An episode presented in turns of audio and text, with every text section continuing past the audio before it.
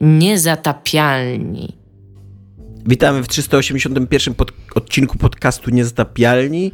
E, ja nazywam się Tomek Strągowski i tylko tyle mam do powiedzenia, bo teraz się sami przedstawiajcie i róbcie co chcecie. Ja się nazywam Iga Smoleńska i reprezentuję siebie. Ja się nazywam Dominik Gąska i reprezentuję siebie. Ja nic nie reprezentuję, jakby. e... Moi rodzice tak mi mówią, no. E, nagrywamy ten podcast e, w niedzielę. Nie wiem, dlaczego to mówię, bo nigdy tego nie mówię, ale teraz już wiecie, że nagrywamy go w niedzielę, będziecie go słuchać w poniedziałek. E, więc tak. E, My jak będzie... na sumę katolicką o 12 w niedzielę się zbieramy, żeby nagrywać podcast. Będzie dzisiaj dużo młodzieży i, i dużo z młodzieżą my będziemy, e, ponieważ e, same nowości będziemy omawiać. Pentiment będziemy omawiać, będziemy Mario Rabbids 2 będziemy omawiać. Iga tam jakiś szajs ma dla was też pewnie reprezentuje jakaś nowość, ale nie zamierzam nie. tego słuchać wtedy. nie?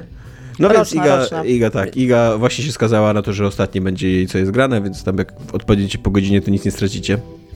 Absolutnie.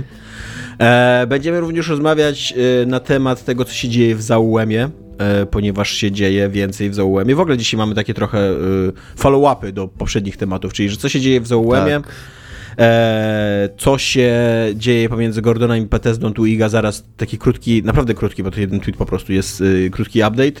E, i e, na temat tego, że Rockstar odrzucił ofertę zekranizowania GTA, która nie była taka głupia, znaczy była to bardzo wczesna oferta, więc to możliwe, że jeszcze by się brzmiła w głupią, ale, ale przynajmniej ta wczesna oferta nie była taka głupia.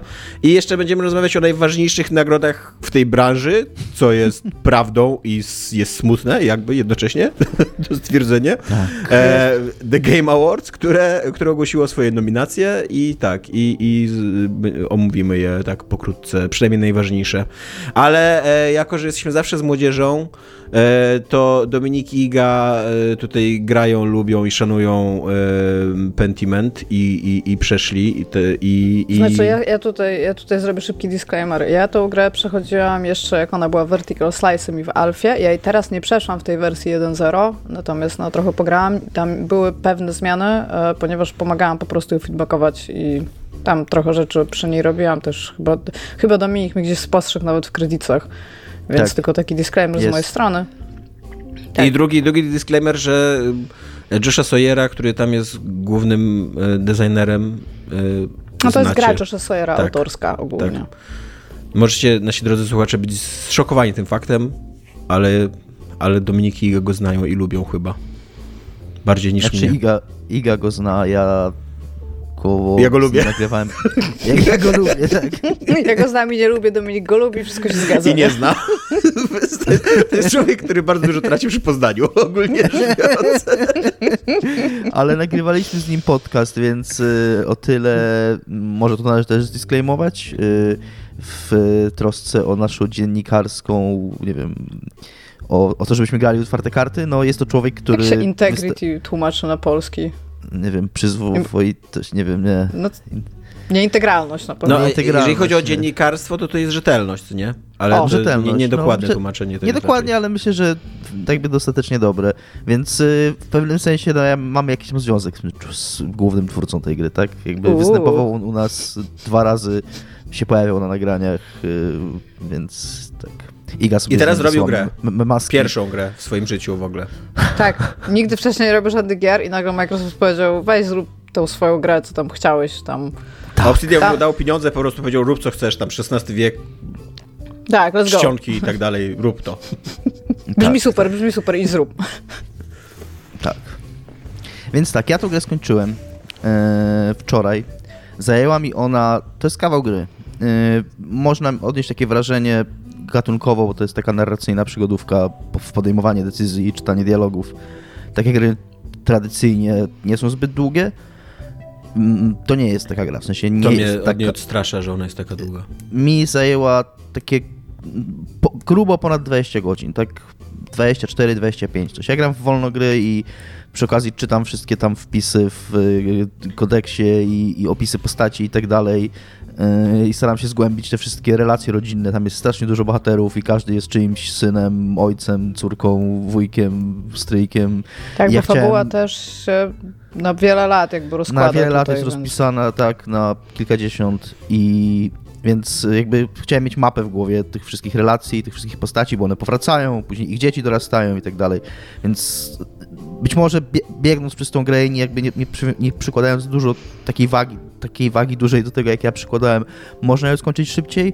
Przypuszczam, że po prostu nie czytając dialogów i naciskając A wszędzie, można ją skończyć jeszcze szybciej, więc jakby jasne. Jakbyś ocenił taki experience, Dominik? Y, Oceniłbym go jako nieistniejący, ponieważ y, i tutaj warto to podkreślić na wstępie, raz jeszcze, w tej grze nie ma praktycznie niczego więcej. Tam nie ma gameplayu w tradycyjnym sensie. Jest, są, jest trochę minigierek, one są bardzo proste i w większości w zasadzie polegają tylko na poklikaniu trochę i masz takie, żeby, żeby po prostu trochę ci wprowadzić, nie wiem, klimat robienia czegoś, czy jakiś nastrój Na robienia czegoś. Headjoba. Dominik wysyłał mi E, filmiki. Robił headjoba w tej grze. na kijku, tak. Autentycznie jest jedna, jest jedna zagadka e, w blisko początku gry, że masz taką płaskorzeźbę i masz e, domyślić się, co zrobić z tą płaskorzeźbą, żeby otworzyło się tajemne przejście, które się znajduje i na tej płaskorzeźbie jest typ, który trzyma klucz i wiesz, co musisz zrobić, żeby rozwiązać tą zagadkę? No co, Dominik? Handjoba. Tak. Handjoba, To, no to nie ma da. nic wspólnego z tym kluczem. To nie wiem, Musisz, Musisz musisz, poza pudełkiem. Jakby. Musisz, musisz wcisnąć ten klucz. Jakby. No wtedy się way. otwiera, wtedy się otwiera. To jest zagadka. Jakby. To jest wszystko, nic więcej nie ma tam. E, Ale może od początku, m, bo tak trochę od środka zaczynam. E, Gra toczy się w tysiąc, zaczyna się w 1517 roku w Bawarii, w Świętym Cesarstwie Rzymskim, w mieście Tassing, które jest fikcyjnym e, miastem, e, takim klasztornym, klasztornym wioską, miastem. To znaczy tam jest takie wszystko naraz w takim małej skali, czyli jest klasztor u góry, miasto i pod miastem gospodarstwa. Co przypuszczam, że jakoś tam się skleja z tym, jak takie miejsca w tamtych czasach, w tamtym regionie wyglądały. Ja niestety tutaj mogę was zadziwić, ale nie jestem nerdem historycznym. Na pewno nie takim jak Josh Sawyer, ale jeszcze pomiędzy mną a Joshem Sawyerem jest bardzo, bardzo, bardzo dużo miejsca na bardzo wiele jakby różnych stopni wiedzy o historii. Natomiast ja wierzę w to, że, mm, że to, co on pokazuje w tej grze jest autentyczne, ponieważ bibliografia do tej gry, która jest wyświetlana na napisach końcowych, to są cztery strony takim malutkim fontem. Bardzo E. szanuję pokazywanie bibliografii w grze, tak. To, to się powinno robić, to, to powinno być. Tak. Yy, Ja więc- musiałam tylko podkreślić, że żyjemy w świecie, gdzie niektórzy ludzie sądzą, że przypisy do książki to jest za dużo.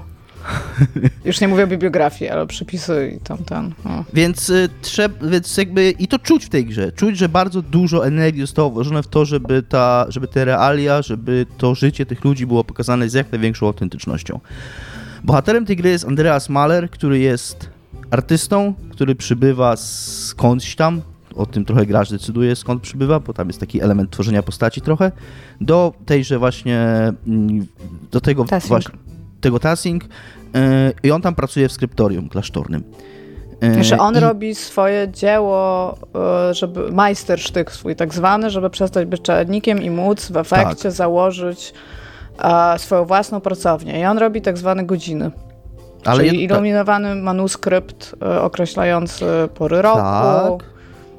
To robi jako swoje dzieło, ale jednocześnie pracuje normalnie, jakby ma swoje zadania, ma swoją pracę w tym skryptorium, którą e, wykonuje dla tego klasztoru, a to swoje arcydzieło robi w wolnym czasie, po godzinach tak jakby.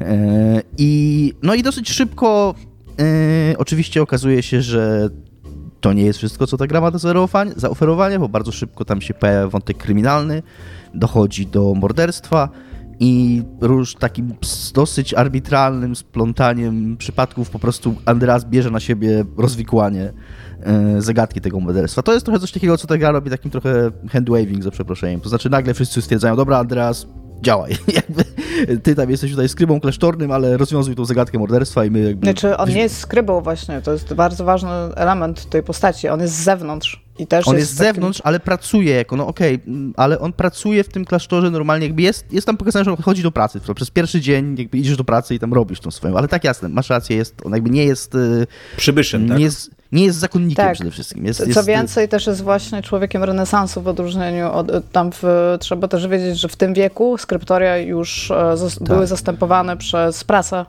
E, Tak, to oni, prostu to, oni to dosyć mocno, dosyć to mocno podkreślają. Jakby, I to jest coś, co i poza tą grą Sawyer dużo mówił, ale i w samej grze jest to dosyć mocno powiedziane, że jakby ludzie, tam wyrażają ludzie zdziwienie mm, tym faktem, że to skryptorium istnieje. i Tak, i działa. właśnie Andreas tutaj jest takim przedstawicielem dwóch porządków jakby, bo on e, wykonując swój majstersztyk jeszcze w starym skryptorium, które dla niego już tam wewnętrznie w świecie jakby fikcyjnym świata jest już stare, przy Mhm. okazji jest też wykształcony człowiekiem renesansu i to jest takie zderzenie średniowiecza, średniowiecznych wartości z renesansowymi wartościami, tym co się dzieje, bo to też czas, czas reformacji Lutra między innymi, więc to jest taki Tak. bardzo burzliwy historycznie czas, taki prawie pudelek bym powiedziała tutaj się już. E, tak, i ta gra, y, ona, mówię, y, jest jeszcze jedna rzecz, która bo dosyć mocno moim zdaniem zwraca uwagę w niej, to znaczy mm, ona nie jest do końca taką po prostu prostą, to też można było po tej długości jakby się domyślić, taką prostą narracyjną przygodówką, że tylko idziesz od początku do końca, gadasz i koniec, jak Oxenfree e, Iga swoją drogą mogłabyś zagrać. Mogłam zagrać, no. E, ona dosyć szybko, szczególnie w drugim akcie, dosyć szybko robi się taką grą Sawyera. To czuć, że to, jest jego, że to jest jego design. To jest gra człowieka, który zrobił New Vegas i który zrobił e, Pillars of Eternity 2, bo tam bardzo szybko dostajesz taki mnóstwo wątków, mnóstwo sidequestów, które masz w takim dzienniku, tam jest taki normalny dziennik sidequestowy, jak w RPGach, które się zazębiają ze sobą, które się przecinają jakoś tam, które możesz wykonywać w różnej kolejności, które się wykluczają nawzajem, bo tam są pewne działania, które możesz wykonywać, które zajmują ci jakiś czas w dniu, taki trochę, troszeczkę element zarządzania czasem, więc jakby gra informuje, że możemy to zrobić, ale to zajmie trochę czasu, jakby wprost coś, coś takiego mówi, wtedy się pora dnia zmienia i powiedzmy tracisz dostęp do, w ten sposób do innych rzeczy, które mogłeś zrobić.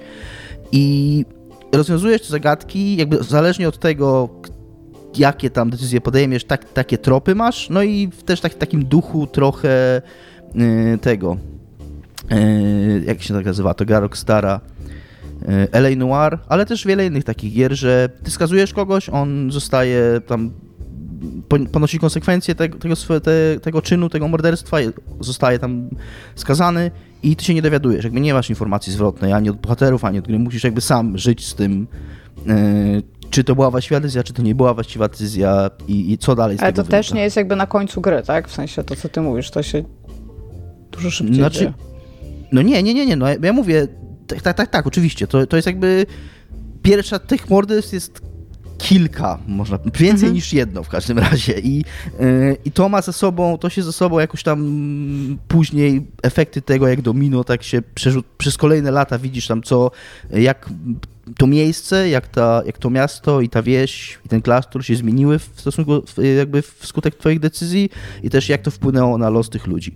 Ja po skończeniu tej gry mam wielką ochotę zagrać nią jeszcze raz, żeby zobaczyć mm, jakie tam, co tam się może faktycznie pozmienić. Tam się bardzo dużo rzeczy dzieje właśnie w zależności od tego, co wybierasz, To komu widać. pomagasz i tak, i w, w, w którą stronę poprowadzisz to swoje śledztwo. Tak, to czuć, to czuć, y, że, że, że, że jakby że to nie jest takie tylko powierzchowne, że, że, że czujesz, że to faktycznie ma wpływ na ten świat. Yy, I, I fajne jest to właśnie, że, yy, no, że to nie jest tak, że ty możesz, nie wiem, w- dobrze albo źle to rozwiązać, nie? że tam do, do, wybierzesz dobry trop albo rozwiążesz dobrze zagadkę, to będziesz miał właściwe rozwiązanie, a jak wybierzesz złą, to niewłaściwe. Nie, to w ogóle nie na tym polega. Tam trochę no nie chcę też spoilować, ale, ale jakby fajne jest to, że to nie jest takie zero-jedynkowe, nie? że dobrze, źle, dobre konsekwencje, Mhm. złe konsekwencje, tylko po prostu jakieś konsekwencje, które ty obserwujesz. E, troszeczkę, mm, tak jak mówiłem, ja mi się to bardzo podoba i bardzo to szanuję, że taki research został do tej gry zrobiony i że Josh Sawyer jest takim specjalistą w tej dziedzinie. Mm, niestety troszeczkę momentami za bardzo mm, to widać, bo ta gra bardzo chce ci cały czas mówić o tym, jak dobrze jest zresearchowana, więc tam bohaterowie, jacyś tam wieśniacy na polu randomowo wchodzą w tyrady na temat luteranizmu, e, przemian społecznych, e, tego, co się dzieje na świecie. I wiesz, tak po prostu nagle tam rolnik wykupuje ziemniaki i wchodzi w tą dyskusję na temat tam traktatów tych, tych, e, jak to się nazywało, no to co Luther tam ten wywiesił na tym, nie? Tezy norymberskie. Test, o, test właśnie, test y, Lutra i tak dalej. Nie? E, ale no mówię, jakby spoko, szanuję to. Kto E, nigdy nie wdał się w awanturę religijną na temat y, reformacji, kontrreformacji w kolejce po ziemniaki, niech pierwszy rzuci kamieniem. Tak, e, jedyna, jedyna rzecz, która i tutaj muszę, okej. tutaj muszę troszeczkę mm, nie chcę powiedzieć skrytykować, ale miałem troszeczkę przewróciłem oczami, bo autentycznie pierwszy dialog w tej grze, taki dłuższy niż tam jedna linijka, który się ma z żeńską postacią, z kobietą, z zakonnicą w tym klasztorze, to jest taki bardzo toporna tyrada na temat tego, ona te- też nie proszona totalnie, znaczy trochę proszona, wpada w taki monolog na temat tego, jak to kobiety nie mogą e, decydować o własnym losie, cała kultura jest robiona dla, dla mężczyzn, książki są pisane dla mężczyzn, ona nie zdecydowała o swoim losie i tak dalej, i tak dalej. Jakby Ale to jest dosyć aktualne, prawda? Ja to bardzo szan... ja, ja to popieram generalnie. Ja jako lewak, tak. E, mówię sobie, okej, jakby to jest słuszny i właściwy przekaz. Natomiast troszeczkę miałem takie wrażenie, jakby Josh Sawyer czy tam scenarzyści, scenarzyści stwierdzili, dobra guys, musimy to zrobić, tak? To zróbmy to od razu i miejmy to z głowy po prostu. Co uważam, że przy okazji jest kompletnie niepotrzebne, bo ta gra później, ona mówi o tym i ona mówi o tym sensownie i ona mówi o tym mądrze i mówi o tym pokazując te rzeczy, a nie w, Najstarsza zasada scenariuszowa to jest Tak. tell, don't show. Dokładnie. I, i, I ta gra to robi. Nie, Ona poczekaj. to pokazuje. Poczekaj, Show, don't tell. jeszcze raz. Tell, don't show. I dlatego zaczynamy od okej. dialogu, który Okej. to mówi. Okej. Nie no, mówię, to jest trochę niepotrzebne. Na szczęście mm, to, ten mój obrusz tym był, jakby trochę mnie to tak y, wybiło z rytmu, y, ale no mówię, moim zdaniem to możemy po prostu wywalić to, bo ta gra to robi i ona to robi dobrze później, więc nie wiem czemu. Y, Ale to jest, mówię, taki drobny tylko zarzut y, i to na samym początku jest. Y, Później dużo sensowniej, dużo ładniej, na przykład bardzo ładnie ta gra pokazuje ma taki, ma taki powracający temat jedzenia obiadów z ludźmi, że siedzisz przy stole i masz tam pokazane, co oni jedzą, masz tam wybierasz, co jesz i się dialog w tym czasie prowadzi. Ja lubię jedzenie w grach, więc tam byłem od razu fuck yeah. E, Natomiast no, trochę nie rozumiałem, po co to jest, oprócz tego, żeby Domek się ucieszył. Pewnie Iga powiedziała Joshowi, "Tak, Domek lubi sceny jedzenia, zrób i ten, nie? Ale tak naprawdę to, to, to po jakimś czasie się przekonałem, to bardzo ładnie jest wykorzystywane właśnie do pokazywania różnic społecznych, do ilustrowania tego, co ci ludzie, przez pokazywanie, co ci ludzie jedzą, e, jakby demonstrowanie, jakie są różnice między nimi i też fajne miejsca... Znaczy podczas tego jedzenia też się odbywały dialogi i to Tak, do kogo tak, ty tak. pójdziesz zjeść i kogo się zapytasz o co i z jakim się wstawisz też ma gigantyczny wpływ Jasne. na to, nie? Jasne, jasne, no ale mówię, mogłoby tego jedzenia nie być, tak? tak te dialogi są cały czas, one są, w tej grze nie ma nic innego niż dialogi, nie? E, ale mówię, no to, to w jaki sposób on później wykorzystuje, jakby jak, jak do czego dochodzi przy tych, przy tych obiadach też jakby ma to, ma to swój payoff. E, I mówiąc o tym wstępie takim troszkę topornym, e, przypomniało mi się, jak grałem w to, przypomniało mi się Kingdom Come Deliverance, które krytykowałem bardzo swego czasu za bycie takim swego rodzaju larpem w średniowieczu, takim wiecie, że twórca tej gry e, jakby pomyślał, no to ja wam pokażę, jakie to były piękne czasy, gdzie baba była babą, chłop był chłopem, życie było proste i, i wiecie, i, i słuszne, i, i, I polecam szlachetne. tutaj naszym e, słuchaczom obejrzenie na YouTubie naszego e, gameplayu z e, Kingdom Come Deliverance, gdzie zostajemy literalnie wsadzeni do więzienia za walenie konia. I umieramy w tym więzieniu, I umieramy w tym pożar w więzieniu. mieście. Tak, więc e, jakby co, to bardzo polecamy nasze własne doświadczenia tutaj odautorskie z, z tą grą.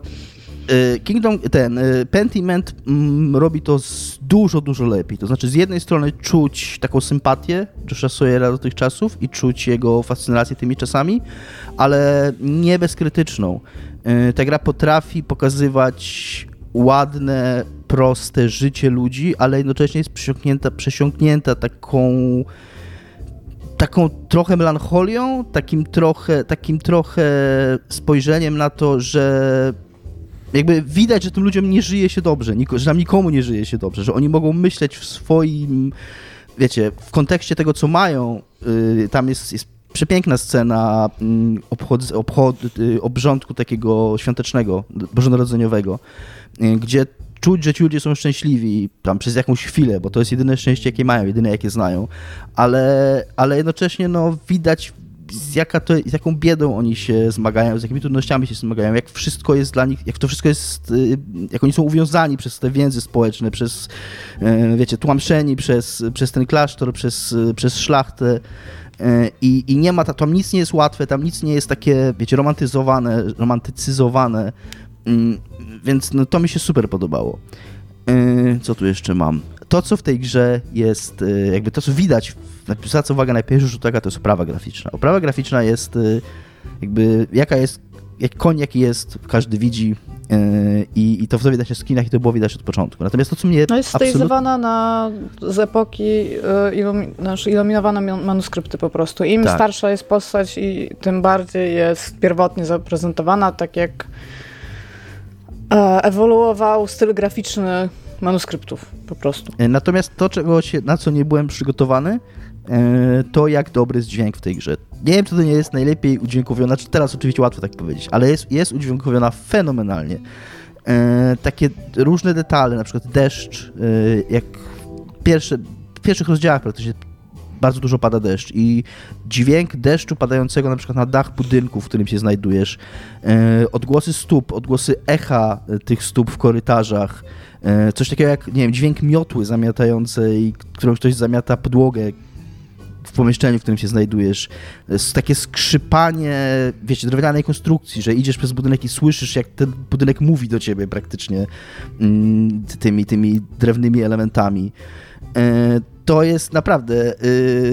Y, no, nie, nie byłem przygotowany na to, jak wielkie wrażenie to na mnie zrobi i jak bardzo to wpływa na, na sugestywność tego świata, bo to jest druga rzecz, która która się tej grze świetnie udaje, to mimo, że ta oprawa jest taka stylizowana i ja miałem trochę wrażenie, że to będzie taka abstrakcja, że, że to troszeczkę jak w tym Procession to Calvary, że to jest fajne i pomysłowe, ale jednocześnie abstrakcyjne i że ja nie będę czuł tego świata.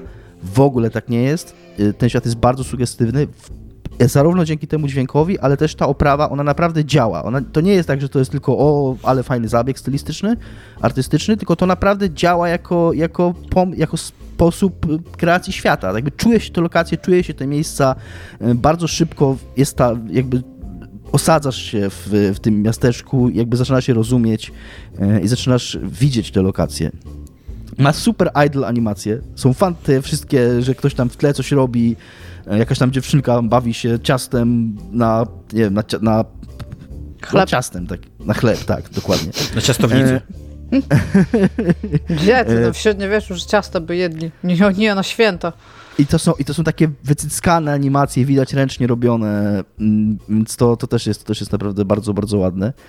E, wszystkie teksty mówione postaci są, znaczy zależnie od tego, z jakiego stanu dana postać pochodzi i czym się zajmuje, ma inny, inny rodzaj czcionki, którą mówi. Czyli chłopstwo mówi taką odręczną czcionką. A czy są e, udźwiękowione dialogi? Nie, nie ma. Tylko nie, są słyszysz, takie skrzypanie. jak się uzupełniają, o, tak jak piórem albo mhm. pędzlem malowane były ten. Tam są dwie, dwa rodzaje czcionki. Jest czcionka humanistyczna, którą się mówią przedstawiciele myślenia renesansowego i jest ta czcionka bardziej gotycka, która się tyczy jest bardziej jeszcze... ludzi jeszcze zako- zakorzenionych w średniowieczu. Iga kłamie. Jest jeszcze trzecia czcionka, e, którą mówią drukarze, która jest takim po mm, prostu odbija mm -hmm. się, tak jak, tak jak w tak. prasie, prasa drukarska. Swoją drogą prowadzi do jednej z naj nieintencjonalnie dla mnie najzabawniejszych sekwencji w tej grze, kiedy jedna z bohaterek pisze do drugiej bohaterki list e, i, mm, i widzimy jakby tą bohaterkę, która mm, czyta ten list i bohaterkę, która pisze ten list i bohaterka, która pisze ten list, widać, że ona pisze go odręcznie na kartce papieru, ale że ona jest y, żoną drukarza, to w jej dymku, który e, obrazuje to, co ona pisze, jest to drukowane. Więc jakby, no tak, tak, tak. Takie trochę weird, jakby widzimy, że ona to pisze, a w jej dymkach się to drukuje. E, ale mówię, no to takie, takie może to tylko mnie to, może to tylko ja to uważam, że to jest zabawne. E, I to, co jakby ta gra idzie w miejsca. I teraz ta gra wyszła kilka dni temu. Jak Iga ją skończy, być może porozmawiamy o niej w spoilerach. Ja nie chcę za dużo mówić, bo jakby dajmy ludziom też zagrać, nie? Ona robi mniej więcej w połowie mm, bardzo dużą woltę mm, taką fabularną. I mnie ta wolta troszeczkę. Ona zrobiła na mnie wielkie wrażenie. Tam w ogóle zamiotła mnie pod dywan, bo się tego zupełnie nie spodziewałem. Natomiast y, troszeczkę mnie mm, utrudniła mój kontakt z tą grą. Trochę przestałem ją lubić przez to. I, i miałem wrażenie, że trochę mnie ta gra oszukała. E, Jeżeli będziecie w nią grali, drodzy słuchacze, drodzy współprowadzący podcast, e, i odniesiecie takie wrażenie, to nie dajcie mu zwyciężyć nad sobą. E, Można odnieść trochę wrażenie właśnie w tym, w tym momencie, że to jest kolejna z tych gier. mm, Wiem, że Disco Elysium było to krytykowane nie przez nas, ale było to krytykowane, że ono trochę oszukuje mm, w tym wątku kryminalnym. E, Podobną grą było też wspominane i omawiane przeze mnie Backbone, które też jakby odchodzi od tego wątku kryminalnego i odlatuje w jakąś inną, na jakąś inną planetę w ogóle.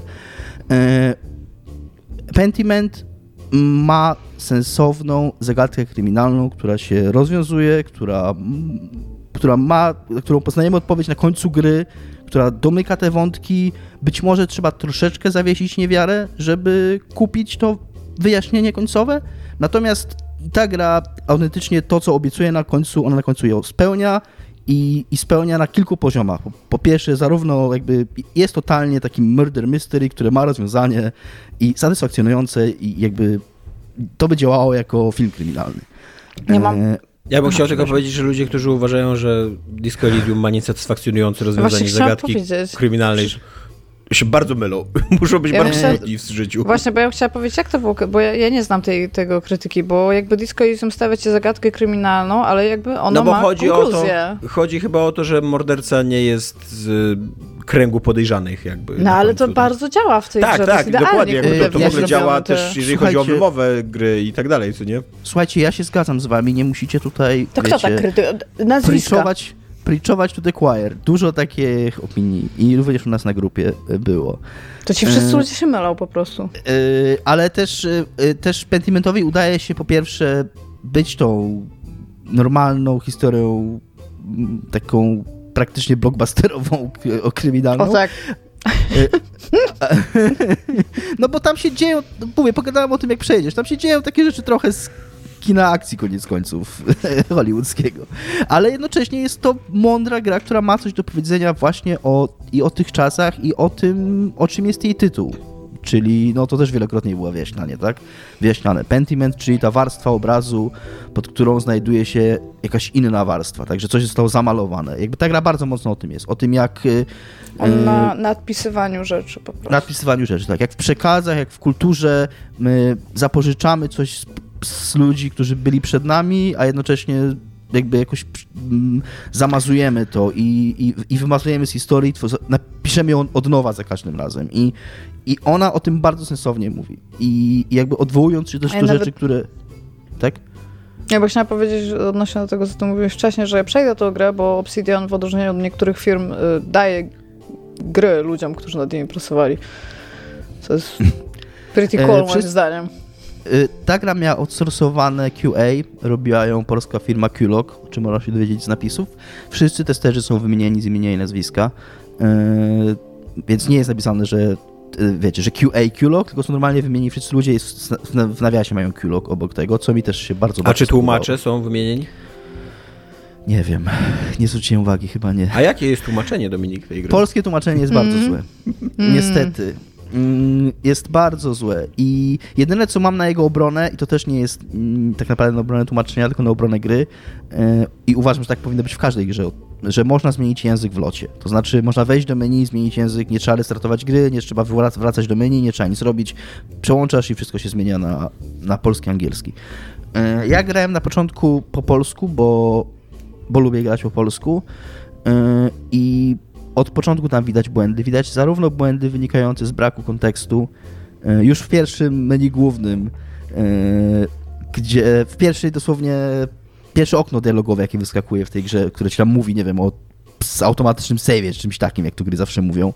I pod spodem masz potwierdzenie mam, gdzie po angielsku było Garrett. I've got it. I've got it, tak, czy tam got it, a, a ktoś to przetłumaczył na mam, bo po prostu nie znał, nie wiedział w jakim kontekście to, to będzie użyte. Y, Dosyć, to się dosyć często zdarza. Mam niestety wrażenie, że i tutaj to nie musi być tylko wina tłumaczy, to coś nam zawiodło w procesie, bo ewidentnie ludzie, którzy tłumaczyli dialogi, nie widzieli opcji dialogowych, które ty wybierasz. Jakby to się powtarza nagminnie, że rodzaj gramatyczny się nie zgadza pomiędzy mm, opcją, którą wybierasz, a odpowiedzią, albo właśnie jakieś słowo, które może mieć wiele znaczeń, jest inaczej przetłumaczone w y, tym wyborze dialogowym, inaczej w tekście, więc y, to jakby to jest nagminne.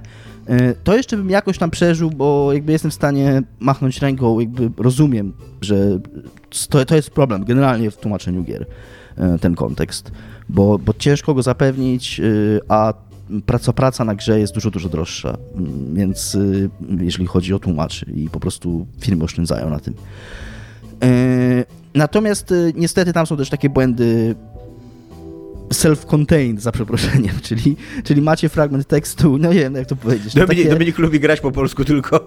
Tak, no bo nie wiem, no takie, e, takie błędy, które, których mm, które nie mają nic wspólnego z kontekstem, które po prostu jest, jest kilka, jest akapit mm, po angielsku i nie potrzebujesz żadnej informacji z zewnątrz, jakby wszystko w nim jest, a i tak tam są błędy.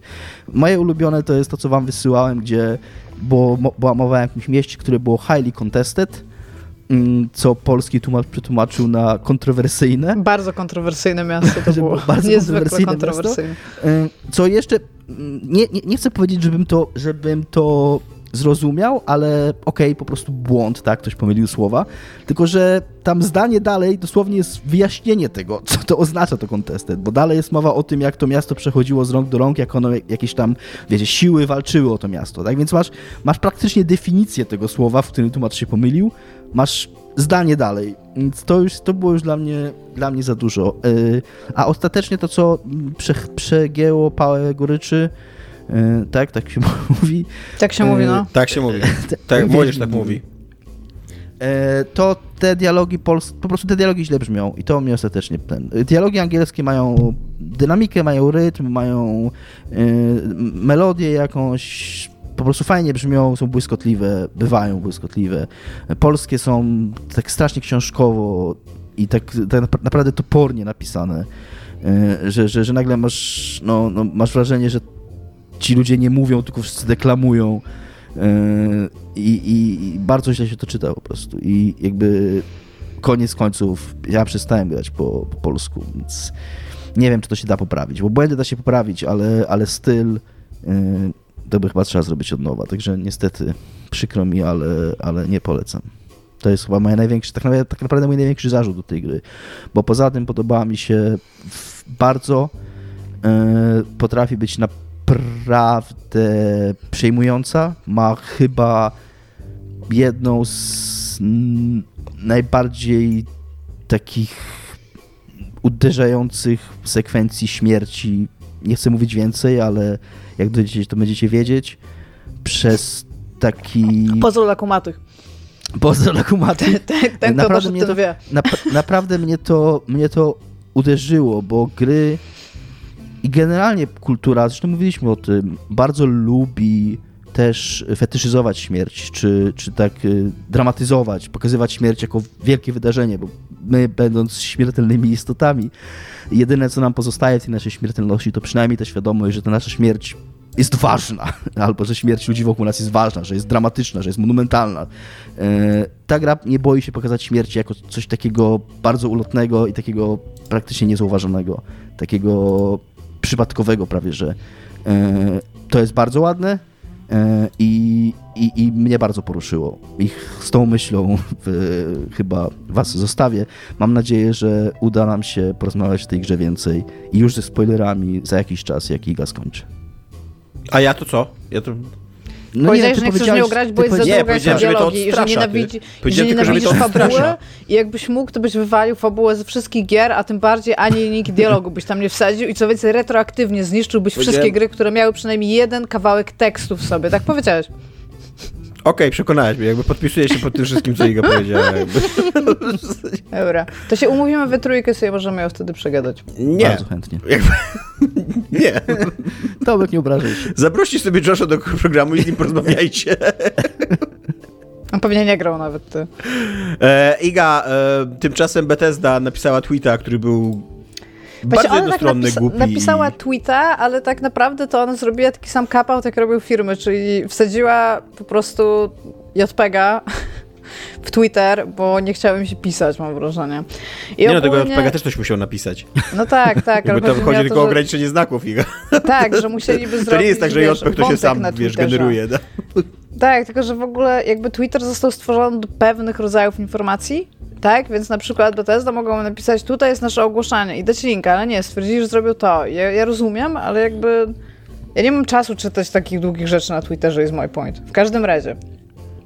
Bethesda ogólnie odniosła się do tego, o czym mówiliśmy w zeszłym tygodniu, czyli do książki napisanej e, zarówno przez, e, wciąż będę mówić Martiego Stratmana, czy, czy, ale będę mówić dalej Marty, e, który to był executive producentem przy Doom Eternal oraz pana Majka Gordona. Barka Gordona, właśnie wiedziałam, że Gordona, ale zapomniałam nazwiska, e, który to był kompozytorem muzyki bardzo związanym z Doomem 2016 i później również Doomem Eternal. I to jest ta, tutaj dla przypomnienia dla ludzi, którzy nie słuchali w zeszłym tygodniu, chodzi tutaj o fakt, że Gordon odniósł się do listu otwartego napisanego prawie 3 lata temu e, przez Martiego e, na Reddicie. I e, Gordon napisał taki praktycznie książkę e, w serwisie Medium na swojej stronie, e, gdzie odniósł się do wszystkich zarzutów e, znaczy postawionych mu e, i powiedział, że jakby bullshit, że to nie była jego wina, że on teraz musi płacić cenę poszargania swojego dobrego imienia jako artysty i muzyka i niby, że, że jest nieterminowy. On wyjawił nowe fakty, natomiast Bethesda teraz bija piłeczkę i mówi, że jakby po tym, co napisał Gordon, co też nie jest zgodne z prawdą, to teraz harasowani są pracownicy id Software, e, szczególnie Marty, czyli ten producent, oraz Chad. Ja nie wiem, oni wszyscy są first name basis, więc e, Ch- Chad to jest główny producent audio, główny dźwiękowiec przy Doom Eternal, który również pomagał miksować soundtrack. I oni mówią, że to są fakty w cudzysłowie, to co powiedział a, Gordon, i że oni się, oni są e, bar, bardzo jasno odcinają się od tego, co on powiedział. Mówi, że, mówią, że to jest tylko i wyłącznie z jego strony powiedziane i że to nie, to nie jest prawda, to co on powiedział i że mają co więcej papiery, czy tam dokumenty, które są pokazać, jeżeli by trzeba było, że on nie mia, on nie mówi prawdy i on tutaj nie ma racji. Więc ogólnie, tak jak mówiłam, to będzie się jeszcze ciągnęło Nie, no, ale w ogóle skryje. y, jest to przedziwne oświadczenie, bo oni mówią, że sprawa wygląda inaczej, ale nie mówią w jakich punktach, jakby nie, nie, nie prze- mówią, że mają dokumenty, ale nie przedstawiają żadnych dokumentów. E, wykorzystują bardzo niską zagrywkę, żeby Mike'a Gordona obarczyć tym harasowaniem, gdzie Gordon literalnie napisał, że on Tak, bardzo że- prosi, żeby nie atakować pracowników i że id Software y, super mu się pracowało z wieloma ludźmi tam i tak dalej, co nie? E, a do tego jeszcze zupełnie to jakby to całe to oświadczenie wychodzi z takiego założenia, że o, ktoś tutaj publicznie pluje na naszych ludzi, jakby zapominając, że to ludzie id Software zaczęli publicznie pluć na Gordona i to dlatego Gordon dwa lata później to swoje oświadczenie, tak jak zresztą mówiłaś, że i podczas tych tam negocjacji mu zależało na tym, żeby po prostu Marty się wycofał ze swoich słów, a y, prawnicy Znaczy, Software tak czy Bethesdy... Gordon. Tak, tak, tak, no. Że, no, no ale jakby, że to on się pierwszy czuł opluty, co nie? Więc teraz zarzucanie mu, że on pluje na innych jest takie trochę, ale zobaczcie, kto, kto zaczął, co nie? Tutaj. Znaczy, jakby. Ja, ja nie wiem, kto tutaj ma rację. Ja, ja ostatnio się już. Ja, ja zachęcam do przesłuchania mojej opinii w zeszłym tygodniu, to, to co mówiłam. To, co mi się najbardziej w ogóle nie podoba w tym wszystkim, to jest okej, ten e, Marty Stratton się wypowiedział, wypowiedział się Mike Gordon, a jest jeszcze ten Chad Massholder, tak, który nic nie powiedział, a mu się obrywa z jednej i z drugiej strony z jakiegoś powodu. I to jest, to jest moja ulubiona postać w ogóle w całym tym konflikcie, bo to jest tam jakby to jest konflikt pomiędzy dwoma podmiotami. id Software i Gordonem jako artystą. I id Software reprezentowane jest tutaj przez e, Martiego Stratona, który cokolwiek napisał i z jakiegoś powodu tam jest ten biedny czat, który tylko jedyne co zrobił, to zmiksował rzeczy, które najprawdopodobniej kazali mu zmiksować i on to zrobił i on teraz dostaje z jednej i z drugiej mańki po prostu w piernisz dostaje, nie? Więc tak. Ale moim zdaniem to żadna z tych rzeczy, ani zarówno co czat powiedział, ani Bethesda, to nie jest prawda. To jest wina gdzieś pomiędzy tym wszystkim i Co produkcją. Mike i, powiedział chyba. E, Mike, a co ja powiedziałam? Chad. Chad. No to nie, czat nic nie Nawaliłaś temu czatowi przez przypadek. Czat dostaje w piernicz, jakby nawet z mojej strony, nie? Biedny czat. Ja myślę, że sprawa by się rozwiązała, jakby i Software zwolniło czada i Ja mi się tyle. też Ja- wydaje, że to jest To tak. powinno zamknąć temat. Czad jest, czad jest czadem, jakby on sobie poradzi. No, ale w każdym razie moim zdaniem ani Gordon, ani e, Id nie mówią prawdy. To, tam jest dużo gigantycznych problemów. Najprawdopodobniej e, Gordon podpisał też nie, niekorzystną dla siebie umowę odnoszącą się do planu produkcyjnego, który nie mógł zaistnieć. I jakby tutaj jest bardzo dużo rzeczy, które, które najprawdopodobniej rozstrzygną ich prawnicy. Najprawdopodobniej to się w ogóle skończy ugodą. Natomiast co powiedziała zarówno Bethesda, a właściwie Software, i co powiedział e, Gordon, to jest fakt, że oni razem już nie będą współpracować. Bo w tym oświadczeniu też jest powiedziane, że e, jakby ta ich profesjonalna relacja została nienaprawialnie zepsuta. Ale to jest w ogóle y, też bardzo ciekawe jest to właśnie, ja, tydzień temu się trochę śmiałem, że w ogóle Gordon poszedł na wojnę z Microsoftem, ale biorąc teraz pod uwagę, że mu odpowiedziało nie id Software, tylko Bethesda, to trochę jest takie, takie tam starszego brata zawołamy, co nie? No trochę tak, Ale no. mamy jeszcze starszego brata jak brat, może uważaj, bo zaraz jeszcze dostaniesz śmiesz. Nie, potem będzie Zenimax, a potem Tak. będzie Microsoft, no. E, więc Ale tak, ogólnie i, tak, chryja. Chryja, więc- zabawa na podwórku, bicie się na kilka skupą Tak, w ogóle, tak, nie? spotkamy I, się i ze wszystkim szkołą dostaje czat nie? na koniec, nie? Jakby, czy, tak, czat leży w ogóle w kałuży i go kopią, nie? W kałuży, da, kałuża jest nasza, niech się odczepi do naszej kałuży. No siedzi w naszej kałuży i go kopią, no. Ja też apparently, więc to jest, jest najgorzej. Ale tak, jeżeli bierzecie udział w hejcie albo na Gordona, albo na ludzi z BTS, to jakby nie pomagacie nikomu. Nikomu nic, nic z tym nie ugracie, więc po prostu przestańcie. Jakby tutaj jedyne, co można zrobić, to czekać na jakieś e, procedury prawne, które wejdą i albo to zaorają, albo temat ucichnie. Natomiast nie spodziewajcie się, że w Doom Eternal 2 czy w Doom 2024, czy jakkolwiek się będzie kolejny Doom Doom nazywał. Infinity. Doom Infinitium. Infinity Doom na przykład. Jakby nie spodziewajcie się tam muzyki Gordona i to jest tylko, tylko tyle jakby. To, to, jest, to, to jest pewnik. Jakby nie wiem, co byście musiały stać, żeby on jeszcze chciał z nimi współpracować, albo żeby oni chcieli, żeby on z nimi współpracował po tym. Ogólnie publiczne pranie brudów to jest a. Szczególnie, że tak, szczególnie, że jak już mówiliśmy tydzień temu, ten pan nie wydaje się takim, który przykłada jakąś najwyższą wagę do pieniędzy w porównaniu do takich rzeczy jak wizerunek czy, czy jakiś tam Aczkolwiek w starciu z wielką korporacją, jaką jest y, Zenimax, Bethesda i Microsoft, być może i Software akurat nie, Jasne. czasami publiczne pranie brudów to jest jedyna droga dla pojedynczego człowieka albo jakiejś małej działalności. Znaczy fakt faktem, ja bym tutaj chciała powiedzieć, że jakby y, pier- pierwszym i ostatnim, znaczy wszystko, pierwszym błędem, który zapoczątkował serię błędów i tego publicznego prania brudów, to był ten otwarty list Bethesdy do, do fanów, tak, na temat soundtracku. Jakby on nie musiał zaistnieć. Po prostu, to, to, tam nie musiało być nic powiedziane, to mogło być zostawione same sobie. Ja nie mam zielonego pojęcia, dlaczego ten ex, e- executive producer, którym jest e, Marty Stratton, w ogóle odczuwał potrzebę napisania czego, czegoś takiego i kto mu dał na to zielone światło. Ja tego w ogóle nie rozumiem. I ten biedny czat, który tam po prostu się siedział i on nic nikomu nie robił. On sobie siedział w tym, w tym pokoju muzycznym, jeszcze są takie najczęściej gdzieś na końcu, takie całe wyciszone w ogóle. Czat pewnie te- jeszcze tam radził, ej, ej, Ma Martin, nie publikuj tego, nie publikuj tego. Czat będzie na ciebie, co? Zdajesz sobie sprawę Ryj czat. tego, co nie? Czat, wyjdź z mojego pokoju w ogóle. Richard. Jak, A później jak od razu, do mnie e, mówić. wiesz, przychodzi tata Bethesda, Martin, czat mnie namówił, czat mnie namówił. Więc tak, no nie, nie jest fajnie, nie jest fajnie, mam nadzieję, że będzie fajnie. Igej, żeby jeszcze skończyć twoją newsową serię, to drugi król szybki news. y, GTA miało być ekranizowane, ale nie będzie, ponieważ Rockstar odmówił. Co wiesz Tak. więcej w tym temacie? A wiem tyle, że po GTA 3 GTA się zrobiło szalenie popularną franczyzą i tutaj kinematografia zawsze szuka e, źródeł, żeby zrobić jakieś gówno z giereczki, które jest dobra. I stwierdzili, że być może, znaczy to było takie ciągle czekamy na bardzo dobre filmy z gier jakby i trzymamy kciuki. A z, e, była propozycja, by e, pan od Top Guna, Tony Scott, reżyserował e, film na podstawie GTA, w którym rolę, nie wiem czy główną, ale jakąś rolę, miał grać Eminem.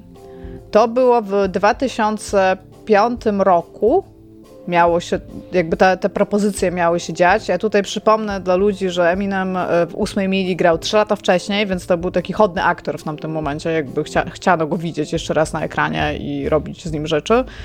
A, no i jakby o ile w, podobno w samym Rockstarze rozmawiano o tym, że mogliby się pokusić o ekranizację takiej znanej serii, szczególnie, że była... Su- słucham? Wzięty chyba, co to znaczy chodny? Nie wiem. No tak, tak, to prawda.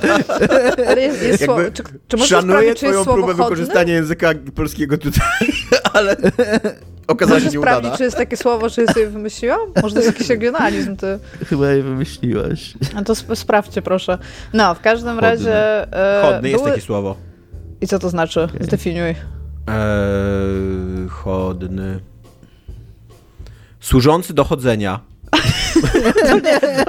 Przykład użycia w zdaniu. Płetwa piersiowa przemienia się z narządu sterującego i utrzymującego równowagę ryby w wodzie na odnóże chodne. Czyli nie ma to za wiele wspólnego z Eminemem, tak na sam koniec dnia.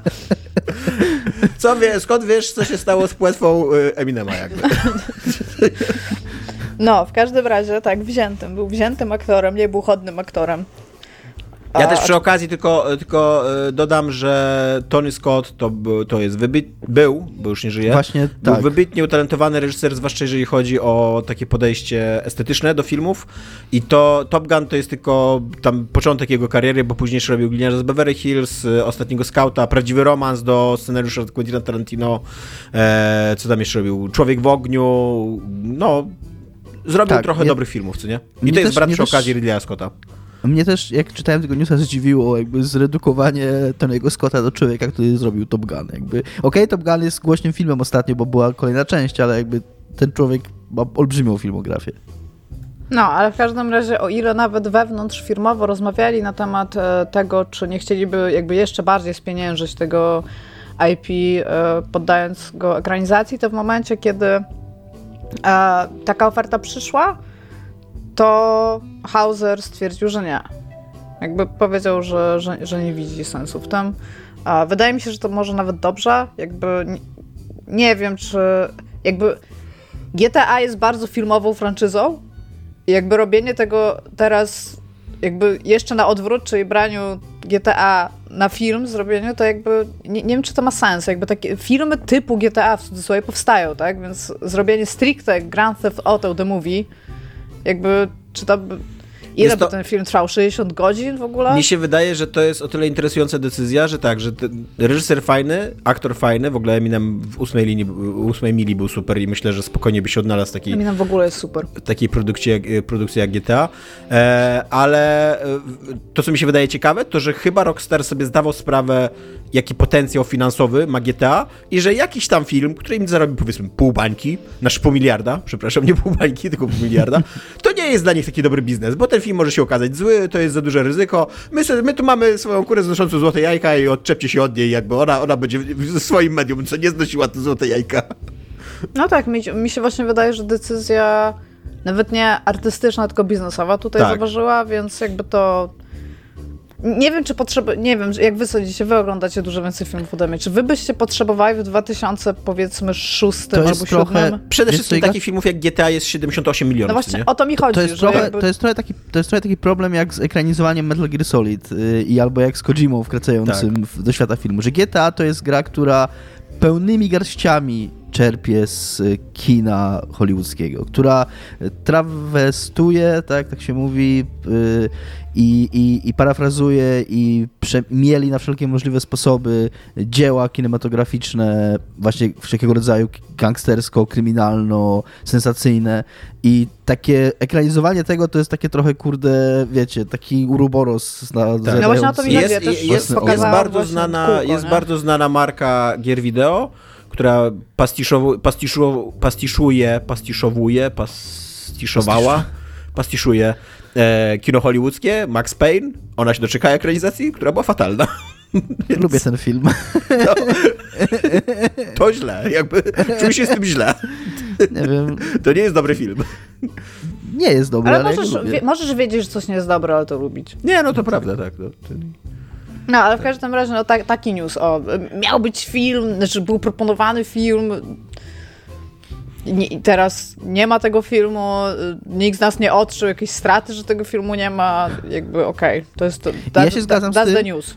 Ja się zgadzam z tym, co ty, Iga, powiedziałaś, y, że, że oni, czy to może Tomek powiedział? Y, że oni, tak, to chyba Tomek powiedział, y, że straty wizerunkowe, jakie mogłyby wyniknąć z nieudanego filmu, mogłyby być dużo gorsze dla nich niż jakikolwiek potencjalny zysk z tego.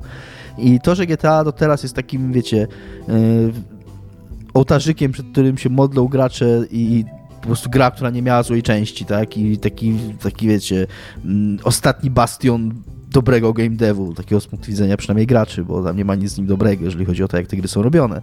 Zaraz zmiotuję, e... Dominik, nie kontynuuj. No właśnie tak. Przejdź dalej. już mam tutaj, już czuję po prostu. Ja, ja, jeszcze, ja jeszcze na razie czekam, dokąd zmierza ta myśl. nie no, właśnie do tego, no, że, że gdyby pojawiała się jakaś skaza na tym, to mogłoby to być no, niefajne dla nich. Przy okazji, przy okazji tylko ostatnio pojawił się news i tylko to powiem tak, żeby wybrzmiało to w naszym podcaście. GTA 5 sprzedało się w 170 milionach egzemplarzy. To jest absurdalna liczba. Absur ja nie wiem, ile miliardów ten, ta gra przyniosła, ale to, to są no, grube to, miliardy. ona się nie? jeszcze tyle sprzedała, a tak. przecież ona jeszcze zarabia online. I jeszcze zarabia online, tak. dokładnie, tak. No. I jeszcze ona zarabia tyle online, że w pewnym momencie ją rozdawali za darmo, żeby więcej ludzi grało online. Hmm. no. Tak, tymczasem wszyscy pytacie się, co jest grane u mnie, e, jak zwykle. E, więc u mnie jest grane również, ja również jestem z młodzieżą dzisiaj, e, Mario Rabbids 2, e, które jest, e, tutaj teraz spoiler, e, kontynuacją Mario Rabbids 1. Ja zawsze chcę, chcę tylko powiedzieć, jakby od tego zawsze chcę, Sparks of Hope ma podtytuł ta nowa część. Zawsze mówiąc o Mario Rabbids, tylko chciałbym zwrócić uwagę na to, że to jest niezwykłe, że te gry się w ogóle ukazują, moim zdaniem, bo y, Rabbids to jest jakaś taka trochę zapomniana, śmieszna, komediowa, y, trochę taka edgy marka, którą Microsoft, znaczy Ubisoft kiedyś tam sobie znalazł i to, że oni poszli do Nintendo z tym i powiedzieli, ej, dajcie nam tego waszego Mario, tą najbardziej taką, taką postać pokroju myszki Miki, co nie, jeżeli, albo tam y, właśnie Star Warsów, co nie, jeżeli chodzi o, o markę i my, my zrobimy tą grę z tymi naszymi takimi obskurnymi, kurde, rabicami. I do tego to będzie jeszcze strategia turowa. I to taka legitna strategia turowa, która jest, która jest trudna. I ma... Mario tam będzie miał broń palną. To tak, i Mario będzie miał broń palną, ale, ale i zaczekajcie, zaczekajcie jeszcze, Princess Peach będzie miała shotguna. To, że oni się na to zgodzili, ludzie z Nintendo, to jest dla mnie jakiś tam... Mi się wydaje, że to po prostu trwały, te rozmowy trwały, trwały, trwały i Japończycy jak to często nie potrafią tak wprost powiedzieć. E, że się na coś nie zgadzają, więc jakby Francuzi tak coraz bardziej, znaczy nie wiem czy Francuzi, no Franc Ubisoft jest chyba pierwotnie francuską yes. firmą, ale dzisiaj już jest międzynarodową bardzo, co nie? No, że, i, więc, więc ludzie z Ubisoftu jakby tak nie, nie, nie docierało do nich, że Japończycy mi odmawiają tylko grzecznie, więc wchodzili w te rozmowy i Japończycy w pewnym momencie się zorientowali, że kurde, już jest za późno, już, już nie możemy im tak Tak, tak mógł, mógł być też alkohol na stole, wiesz? Tak. E, I w każdym razie wyszła teraz druga część tej, e, e, tej gry, to jest bardzo spokojna spoko strategia turowa. Jeżeli byście chcieli pograć w dobrą strategię turową, która ma przy okazji swój własny pomysł na siebie, to nie jest taka tam kalka po prostu ze wszystkich innych strategii turowych, tylko tutaj bardzo duży nacisk jest położony na mobilność postaci. To są często tak e, mobilne postaci, że mogą w ogóle biegać po całej planszy, skakać, mają dodatkowy atak, który nie kosztuje akcji, taki, taki wślizg. E, skaczą, właśnie tam mają ataki, te, też dodatkowy atak, który tam jak no Mario po prostu skacze na, komuś na głowę, to zadaje mu obrażenia. E, Bowser jak spada na ziemię, to tam wybucha dookoła niego ta ziemia i tak dalej. E, do tego jeszcze tutaj teraz w drugiej części ta mobilność została jeszcze powiększona, bo e, masz po prostu okrąg dookoła postaci, w jakim ta postać się może ruszać i dopóki ona, dopóki jest jej tura, to ty możesz się cały czas w tym okręgu poruszyć, nie? Jakby cały czas biegać, zmieniać miejsce, y, strzelić z, jedne, z jednego miejsca, później się gdzieś ukryć, zadać tam jeszcze właśnie jakieś obrażenia dodatkowe, przeskoczyć gdzieś. Często są jeszcze jakieś takie wyrzutnie, które pozwalają ci przelecieć gdzieś na na inną część mapy i tak dalej.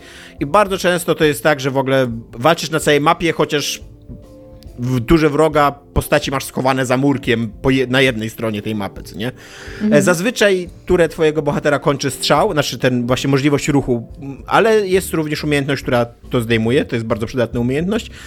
każdy z bohaterów ma jakieś takie swoje specjalizacje, ataki specjalne i tak dalej. Mario właśnie strzela z dwóch giver, więc może dwa cele naraz atakować. Luigi jest snajperem. E, Princess Peach właśnie poza tym, że ma shotguna, to jeszcze chroni postacie przed obrażeniami, e, a z kolei ulubiona postać w ogóle absolutnie wszystkich, czyli Rabbit Peach, e, ona leczy i, le, i ona jest w ogóle taką influencerką na social mediach. Ona chyba selfiaki zawsze robiła w pierwszej Tak, części, i nie? nadal robi selfiaki, ale, ale animację leczenia ma taką, że daje im serduszko na Insta wszystkim, wszystkim których leczy, nie? I to jest kurde przecudowne, uwielbiam tą animację, jest zajebista, co nie? E, A jak ten, a jak e, wygrywasz tam ważną walkę właśnie i masz e, Rabbit Beach w drużynie, to ona ma jak taka, jak taka diva, interne, taka jakaś e, rockowa, czy taka, nie wiem, coś w stylu Beyoncé, e, ma całą taką ekipę, która ją niesie i ona tak się rozkłada, jak taka księżniczka? I, wiesz, i pozwala się podziwiać po prostu. E, tak, z postaci dochodzi jeszcze, wydaje mi się, że Rosalinda, Rabbit Rosalinda dochodzi, że jej nie było w jedynce, a na pewno dochodzi Bowser, e, który niestety dochodzi dopiero w połowie gry, co jest jakby szanuję z jednej strony, że ktoś cały czas rozwija grę i która tam cały czas ci pokazuje nowe postaci, nowe mechaniki i musisz się jej non-stop uczyć. Te... Ale z drugiej strony jest to dosyć dziwna o taka decyzja, no bo przez pół gry nie mam tego Bowsera, on jest fajny i chciałbym go mieć. E, i, I co? No bo żeby może po połowie gry dać ci coś super, żebyś chciał dużo więcej grać, nie? No tak, ale mówię, ale z drugiej strony ten Bowser na tyle jest super, że no fajnie było móc go wybierać od początku, co nie? Mie, mie, mieć go tam w, w tym rusterze postaci od samego początku. E, jest jakaś fabuła w tej grze, ale jest to absurdalna, zupełnie taka Czy jest wymówkowa. powiązana z pierwszą częścią, która się kończy totalnie cliffhangerem. Nie pamiętam totalnie, jak się kończy pierwsza część. Nie, w ogóle je- jest, jest powiązana z pierwszą częścią tak, że teraz nagle okazuje się, że po prostu rabicy i te, to królestwo Mushroom Kingdom po prostu żyją sobie razem i... A i, i co jest istotne? co jest istotne? Nie wiem, czy pamiętacie, w Mario Galaxy były takie gwiazdki i te gwiazdki były dosyć istotne i one miały jakby tam... No tak, One żyły, się zbierać. No, to były takie dzieci Rosalindy. Tak, więc na, pewnej, na pewnym etapie historii tego świata jakiś odważny królik albo odważna króliczyca uprawiała seks z gwiazdą. bo, bo są teraz królicze gwiazdki. Wow. Więc tak, wow, dokładnie. Masz respekt. E, I te królicze gwiazdki dają mm, jakąś taką dodatkową umiejętność, zazwyczaj opartą na żywiole. Żywiołów jest w ogóle z 15 w tej grze, co nie? Jakieś tam trucizny, prądy, wiatry, e, mróz, ź- ogień oczywiście i, i tak dalej, i tak dalej. No, jest w cholerę tego, trzeba pamiętać o tym, e, kto jest podatny na jakie ataki i tak dalej. Te mm, gwiazdy królicze też, też levelują, e, więc tam jakby jest dużo wydawania takich punkcików, dużo sprawdzania jakichś synergii i, i jak, jak, jak to działa i tak dalej. Ogólnie jest to to, co było w Mario Rabbids 1, tylko więcej i jest to bardzo fajne. Poza tym, że ta gra ma po pierwsze problem z balansem trudności. Jak się jest przynajmniej jeden level czy dwa levele ponad pojedynkiem, do którego podchodzisz, to już jest banalnie prosta. E, I niestety większość takich spotkań, takich mm, pojedynków, które na mapie tam cię spotykają, tak po prostu, bo jakiś przeciwnik krąży po mapie, no to jest trochę strata czasu. Mam takie poczucie, że, ta gra strasznie dużo mojego czasu marnuje. To nadal jest, nadal jest to spoko, że tam gram sobie i te ludziki tam strzelają i, zabijają te gumby, ale no wolałbym, żeby mieć większe emocje. A po drugie, że ona jest strasznie długa z tego powodu. Ja gram 25 godzin jestem w połowie. E, I ja gram tak uczciwie, że właśnie, że gram na trudnym poziomie trudności, właśnie raczej wchodzę w te wszystkie takie po, poboczne Uczciwie. walki. E, nie, no ale bo jak okazuje się, że, że jak się raszuje tylko chyba przez walki te fabularne, no to ona jest tak na 25 godzin. Ja, ja sobie nie wyobrażam, jakby, jak, jak trzeba grać, chyba tylko do recenzji tak się gra, żeby, żeby, żeby tą grę skończyć 25 godzin. A ja, te, ja po tych 25 godzinach jestem w połowie i jest, czuję już trochę zmęczenie materiału, co nie? Zwłaszcza, że mówię, że ta, ta gra nie ma takich prawdziwych emocji, takich naprawdę wysokich stawek, za które ja bardzo cenię sobie e, strategie turowe, które są obecne na przykład w takich, wiesz, takich najważniejszych tytułach w stylu tam Fire Emblem e, czy, e, czy XCOM.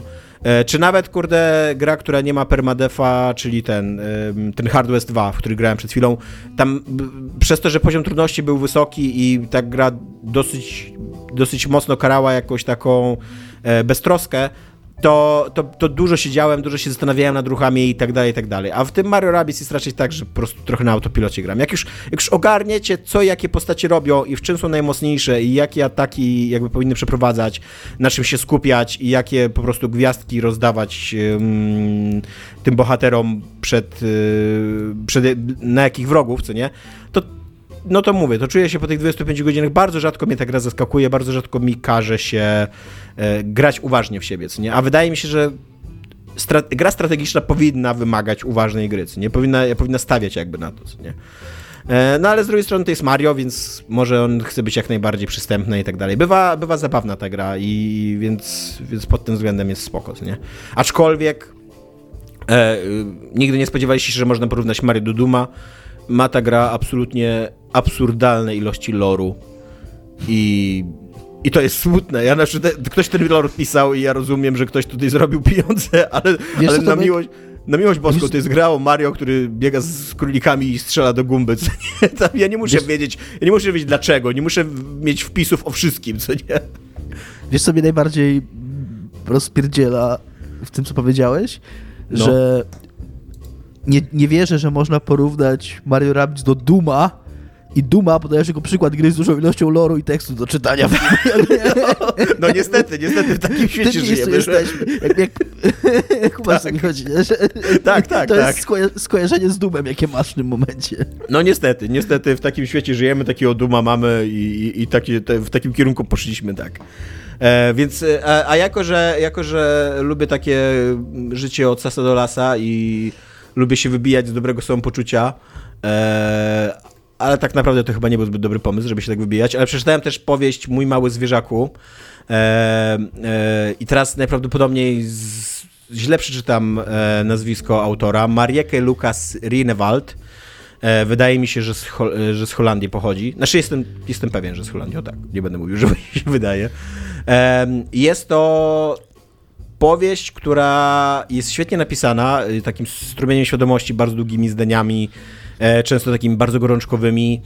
E, i, ale opowiada taką bardzo traumatyczną historię z punktu widzenia mm, pedofila, opowiadaną tego, jak e, około 50-letni facet osacza i wiąże się i, i wykorzystuje seksualnie 14-letnią dziewczynę, która, e, no, która jest dosyć niedojrzała. To po pierwsze, że jest dosyć niedojrzała. Często żyje tam w, takich, w takim świecie e, fantazji, ma bardzo rozbudowaną taką, taką wyobraźnię.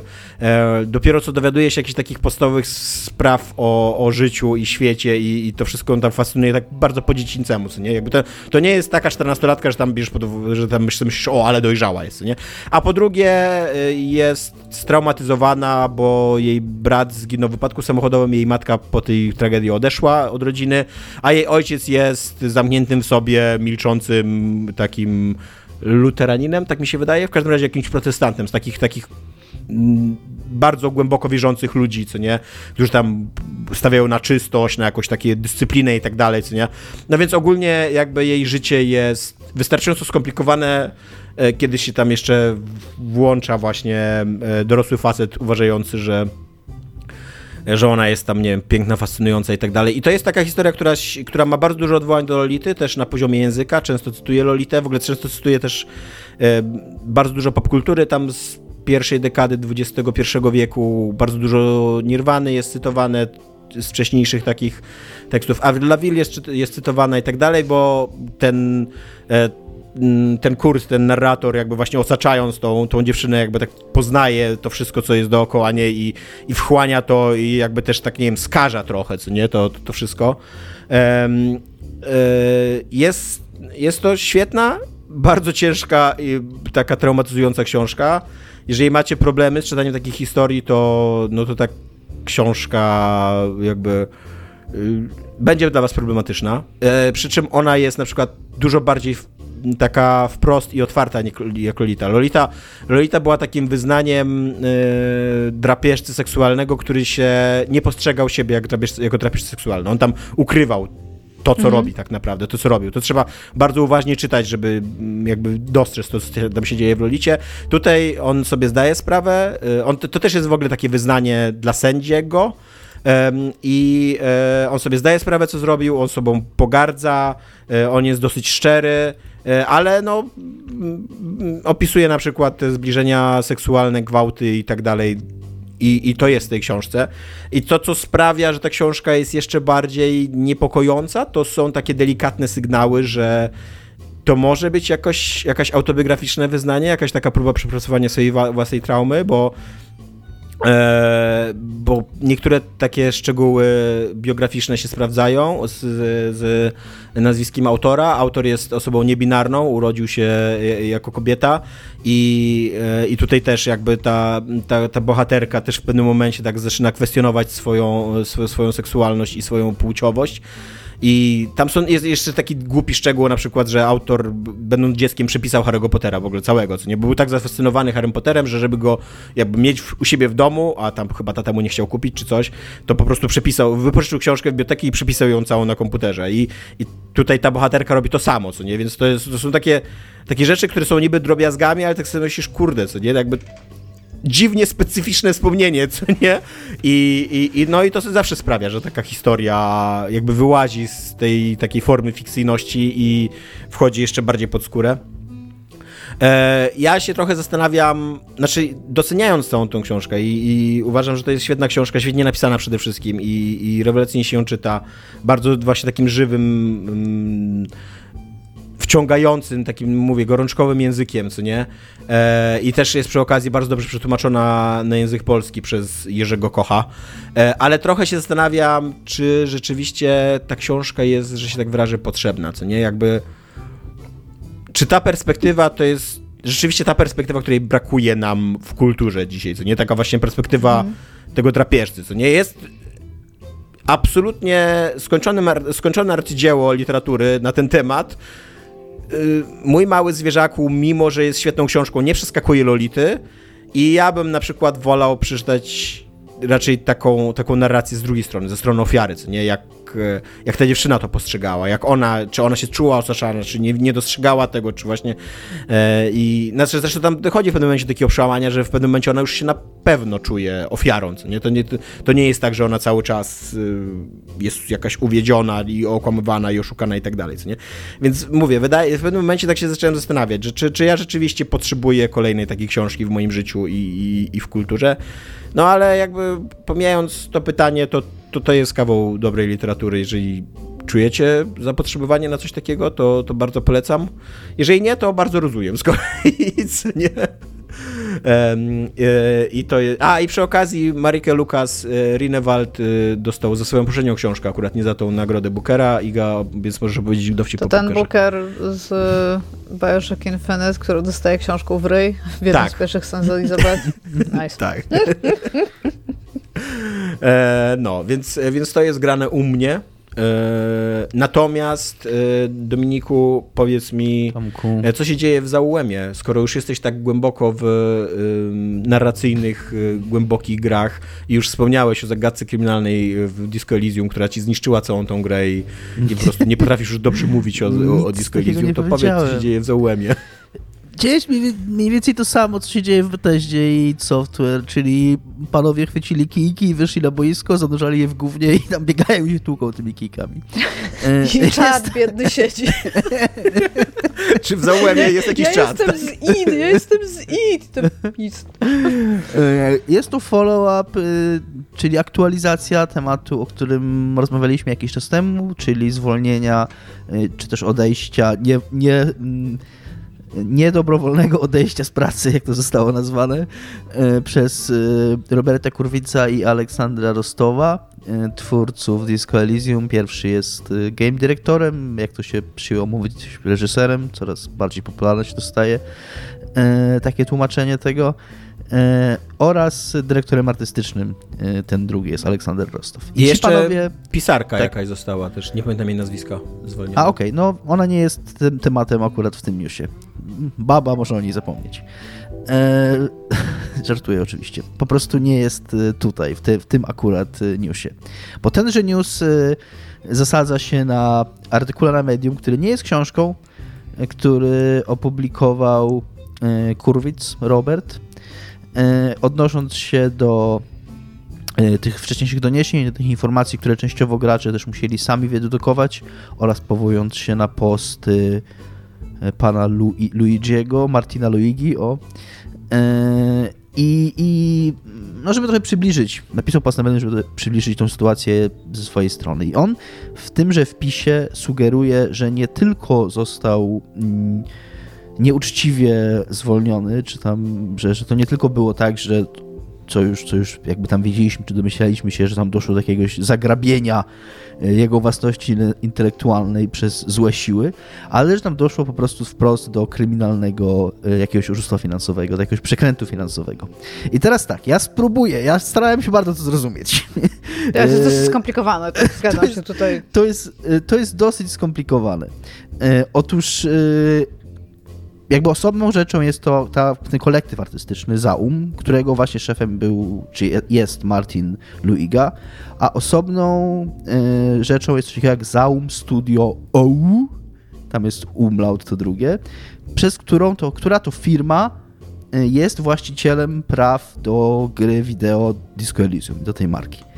E, I głównym inwestorem e, w tej firmie był Markus Linemae, jakiś estoński biznesmen, który, no, z którym prawdopodobnie po prostu Kurwic y, się dogadał tak, że żeby on zainwestował pieniądze w tą grę, bo sam Kurwic nie miał dosyć własnych pieniędzy, żeby tą grę wyprodukować. Stąd Kurwic był w tejże firmie Zaum Studio OU e, mniejszościowym udziałowcem. I dopóki sobie ten pan Linemae był tym większościowym udziałowcem, to mm, wygląda na to, że wszystko było ok. Z tym, że w, 1020, w 1000 w 2021 roku udziały e, Margusa Linemae zostały wykupione przez inną firmę, Tutreke OU, która to firma Tutreke jest, y, nale, należy do dwóch estońskich biznesmenów, Ilmara Kompusa i Tonisa Havela, którzy to panowie już podobno są all sorts of trouble, jakby powiedzieli, y, jakby powiedział nasz kolega Josh Sawyer. E, Jeden z nich jest y, podejrzewany o jakieś tam przekręty finansowe, e, drugi e, drugi jest czymś, co można by chyba określić nazwą, e, mianem oligarchy, takiego w takim wschodnioeuropejskim stylu. E, I ciże panowie, mm, oprócz tego, że obaj mają takie dosyć, no nie... e, No różnie możemy na to patrzeć. No, z Niejasne. kolei lu- niejasne życiorysy, o dobre, dobre słowo, e, to główny zarzut, jaki stawia mm, Kurwic, jest taki, że oni wyciągnęli pieniądze najpierw zapewne jakoś, z, nie wiem, ze współpracą, tak, tego Linemae, albo, bo to, no nie wiem, że wyciągnęli pieniądze z Zaum Studio OU i za te pieniądze, które wyciągnęli, kupili udziały w tej firmie. Czyli e, pieniądze, które były w firmie po to, żeby móc na przykład robić kontynuację Disco Elysium, e, posłużyły jakimś dwóm oligarchom do przejęcia władzy nad tą firmą. Jak to można coś takiego zrobić? Nie wiem, no pewnie po prostu super nielegalnie. Po prostu no to brzmi jak po prostu zwykła kradzież, tak? Yy, I stąd, że panowie Kurwic i i An ten drugi i Rostow e, mówią, że będą próbowali dochodzić e, swoich praw e, zarówno w sądzie, e, korzystając z estońskiego systemu prawnego, jak i z brytyjskiego, ponieważ tam jeszcze jest jakiś wątek e, rejestracji części praw w Wielkiej Brytanii. I, ale to nie wszystko, bo do całej sprawy odniósł się jeszcze Martin Luiga, który postanowił wziąć ten swój kijek, wydalać go w głównie i też jeszcze dorzucić trochę do pieca. Bo Martin Luigas y, jakby wrócił do tematu zwolnienia Kurwica, e, twierdząc, że tam się pojawiły zarzuty o mm, tworzenie przez Kurwica toksycznego środowiska pracy, albo że przynajmniej e, taki był powód e, tego zwolnienia. E, spo- Post Luiga jest napisany bardzo ciężkim językiem. Nie wiem na ile to jest świadoma stylizacja, na ile to jest po prostu fakt, że on nie jest e, mm, no, rdzennym użytkownikiem języka angielskiego. Mm, Go się czyta jako taki trochę. Go się czyta trochę jak Disco szczerze mówiąc. Mm, Tam nie do końca wiadomo, co on pisze o Kurwicu, bo on bardzo tak naokoło mówi o nim jako o człowieku. Mówi o nim, że, mm, że nigdy nie miał z nim, że, że nigdy nie był z nim w dobrych stosunkach, ale zawsze go podziwiał. Taki E, trochę człowiek, i- trochę idea tam, no. Taki, Taki- jako tak, artysta tak. i jako człowiek prywatnie, którego się zna, może w ten sposób. Tak. Więc tam ogólnie się wyłania obraz Kurwica jako takiego szalonego geniusza trochę, z własnymi problemami. Tam się pojawia porównanie, które Tomka bardzo ucieszy. E, Postaram się to w miarę przetłumaczyć, chwilkę, mam tu w notatkach wypisane, E, że mm, porównanie, mm, że, że Kurwic w porównaniu do tych inwestorów, którzy tam przyszli do, do, do Zaum, e, mówi, że ta sytuacja przypomina mu sytuację z Stalinem i Trockim, e, w której Trocki czuł Tak. się w miarę bezpieczny ze względu na swój intelekt i to, że ciężko pracował i że ludzie go kochali, ale nie zwracał uwagę na, uwagi na wewnętrzne relacje w partii komunistycznej, a Stalin wiedział z kolei, że to jest najważniejsze. I że właśnie w, ten, że w, tej, w, tej, w tej opowieści to Kurwiec jest Trockim, a ci panowie, którzy przejęli, to są Stalinem.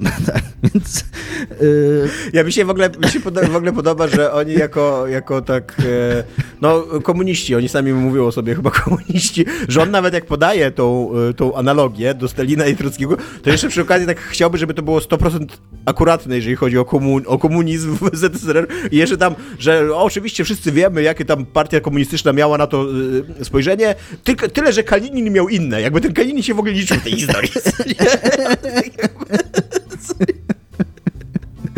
tak, no widać, widać, widać, że są to dla nich tematy ważne. Yy, I mówię, no to znów, znów to brzmi...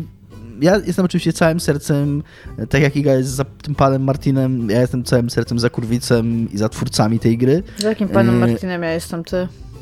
No za tym od muzyki, Gordonem.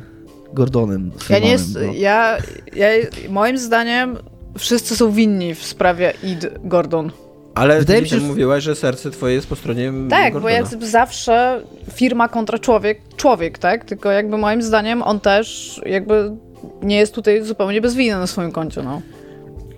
E, Wydaje mi się, że sytuacja w, w sprawie Disco Elysium jest troszeczkę jaśniejsza i troszeczkę łatwiej tutaj kibicować e, e, Kurwicowi i Rostowowi, ale też nie jest taka stuprocentowo jasna, bo też jak się to czyta i się zagłębia w to, to pozostaje takie wrażenie, że to jest po prostu jedno wielkie szambo. E, Tam się ktoś nie dogadał, tam chodzi o jakieś spore zapewne pieniądze, jak na, e, jak na skalę przynajmniej i wielkość studia i tam liczbę osób zaangażowanych w to. E, Tam, no, ten obraz kurwica, o którym, którym, który się nam wyłania z tego wszystkiego, też nie jest jakiś tam super kryształ, krystalicznie czysty. E, Więc e, mówię, no fajnie, Disco Elysium było super grą i fajnie jakby przede wszystkim jakby jej twórcy mogli dalej ją tworzyć, bo to jest ich i, i tutaj, tutaj przede wszystkim kibicuję, żeby odzyskali te prawa. Natomiast jak to jest z tymi pieniędzmi i czyje to są pieniądze i komuś te pieniądze tak naprawdę należą, to jest na pewno dużo bardziej skomplikowane niż którakolwiek ze stron jakby w swojej uproszczonej relacji jest w stanie powiedzieć. Myślę też, że fakt, że to jest sprawa rozstrzygnięta pomiędzy Estonią a Wielką Brytanią nie ułatwi tutaj dochodzenia Tak. interesów, nie? Tak. Więc to tyle.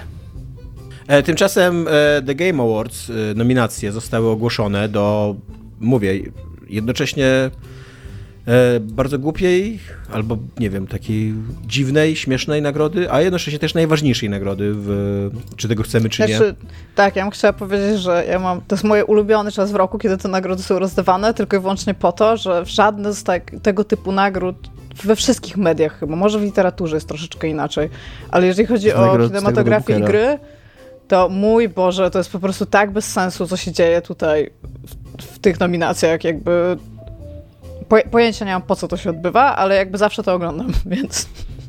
Znaczy w ogóle ja czytałem bardzo fajny wpis na Twitterze, nie pamiętam, chyba właśnie Chrisa Franklina, że jak strasznie smutne jest to, że te nagrody, to tak, no, rozdanie tych nagród tak naprawdę nie jest y, uroczystość poświęcona tym, tym grom, tym ludziom, którzy dostają te nagrody, tylko to jest po prostu jedna wielka taka promocja gier, które przyjdą, co nie? Jakby trailery, jakieś world, world premiery i tak dalej, co nie? To tak jakby, jakby na Oscarach literalnie tam 70% czasu puszczali trailery przyszłych filmów, co nie? Albo jakby, jakby nie wiem, na nagrodach Nike, wiesz, jednocześnie tam Empik, kurde, reklamował cały czas swoje tam y, y, to, y, bestsellery, co nie?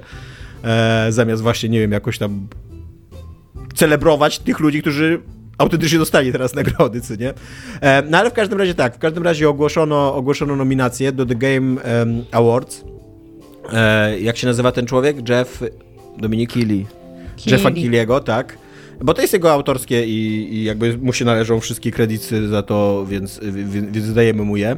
E, grą roku ma prawo zostać, ma, ma szansę zostać A Plague Tale Requiem, Elden Ring, God of the War, Ragnarok, Horizon Forbidden West, Stray i e, Xenoblade Chronicles 3.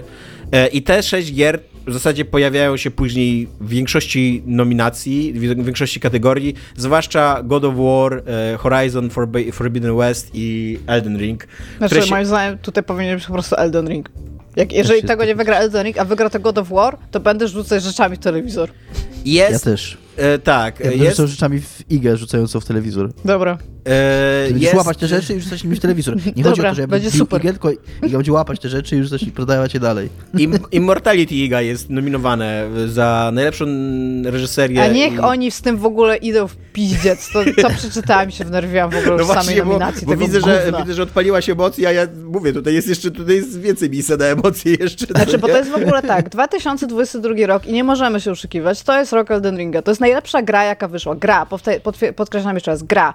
Nie gra, która udaje film, nie narracyjny jakiś experience. Jeżeli chodzi o grę, to Elden Ring zamiótł i zarówno Best Game Direction, Game of the Year, Art Direction bym nawet dała, Score and Music bym dała, Audio Design, Performance. Ja bym to wszystko dała Elden Ringowi. I tutaj ja w ogóle. Nie no, performance nie... to bez przesady, ty. Znaczy Best performance, okej, okay, bo to jest performance, to jest, no właśnie, aktor, a nie performance. performance tak, to, jest... to tak, to może rzeczywiście. Jak działała. I też nie, nie, nie, nie podejrzewam, że ta gra jakoś rewelacyjnie działała, jako wiesz, performance na PC na Nie, no właśnie, na PC.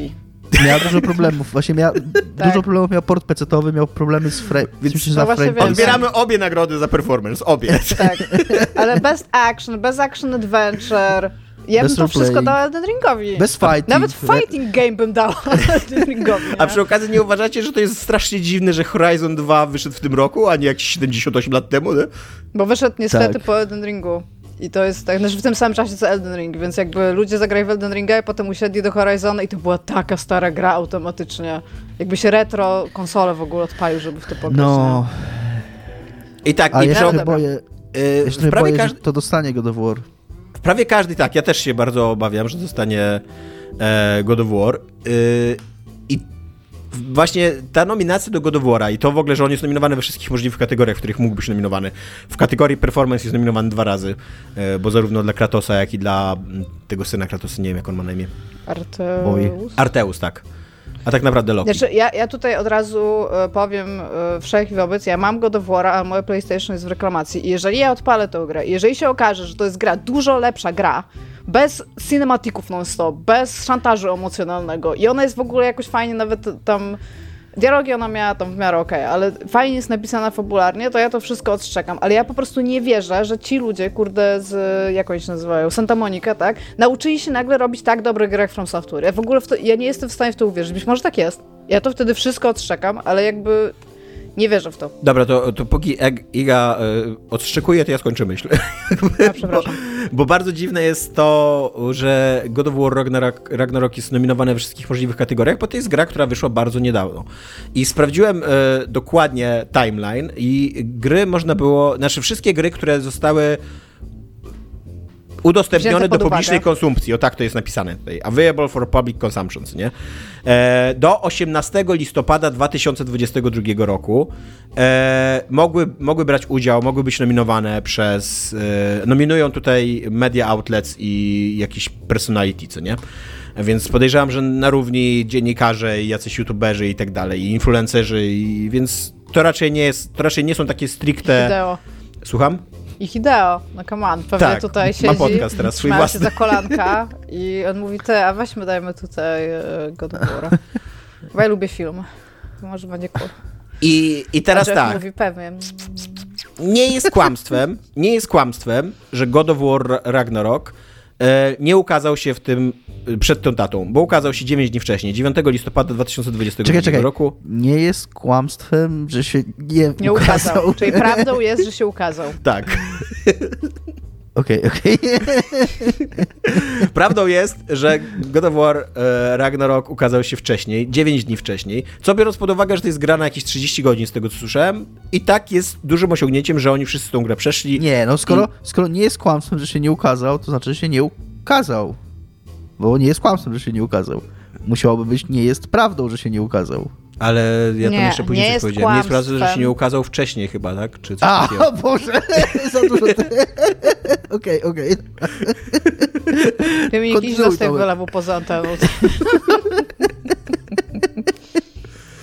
Więc w każdym razie God of War Ragnarok ukazał się 9 dni wcześniej przed tym terminem e, i więc spoko. Ma prawo ubiegać się o tą nagrodę, czy na nią zasługuje, czy nie.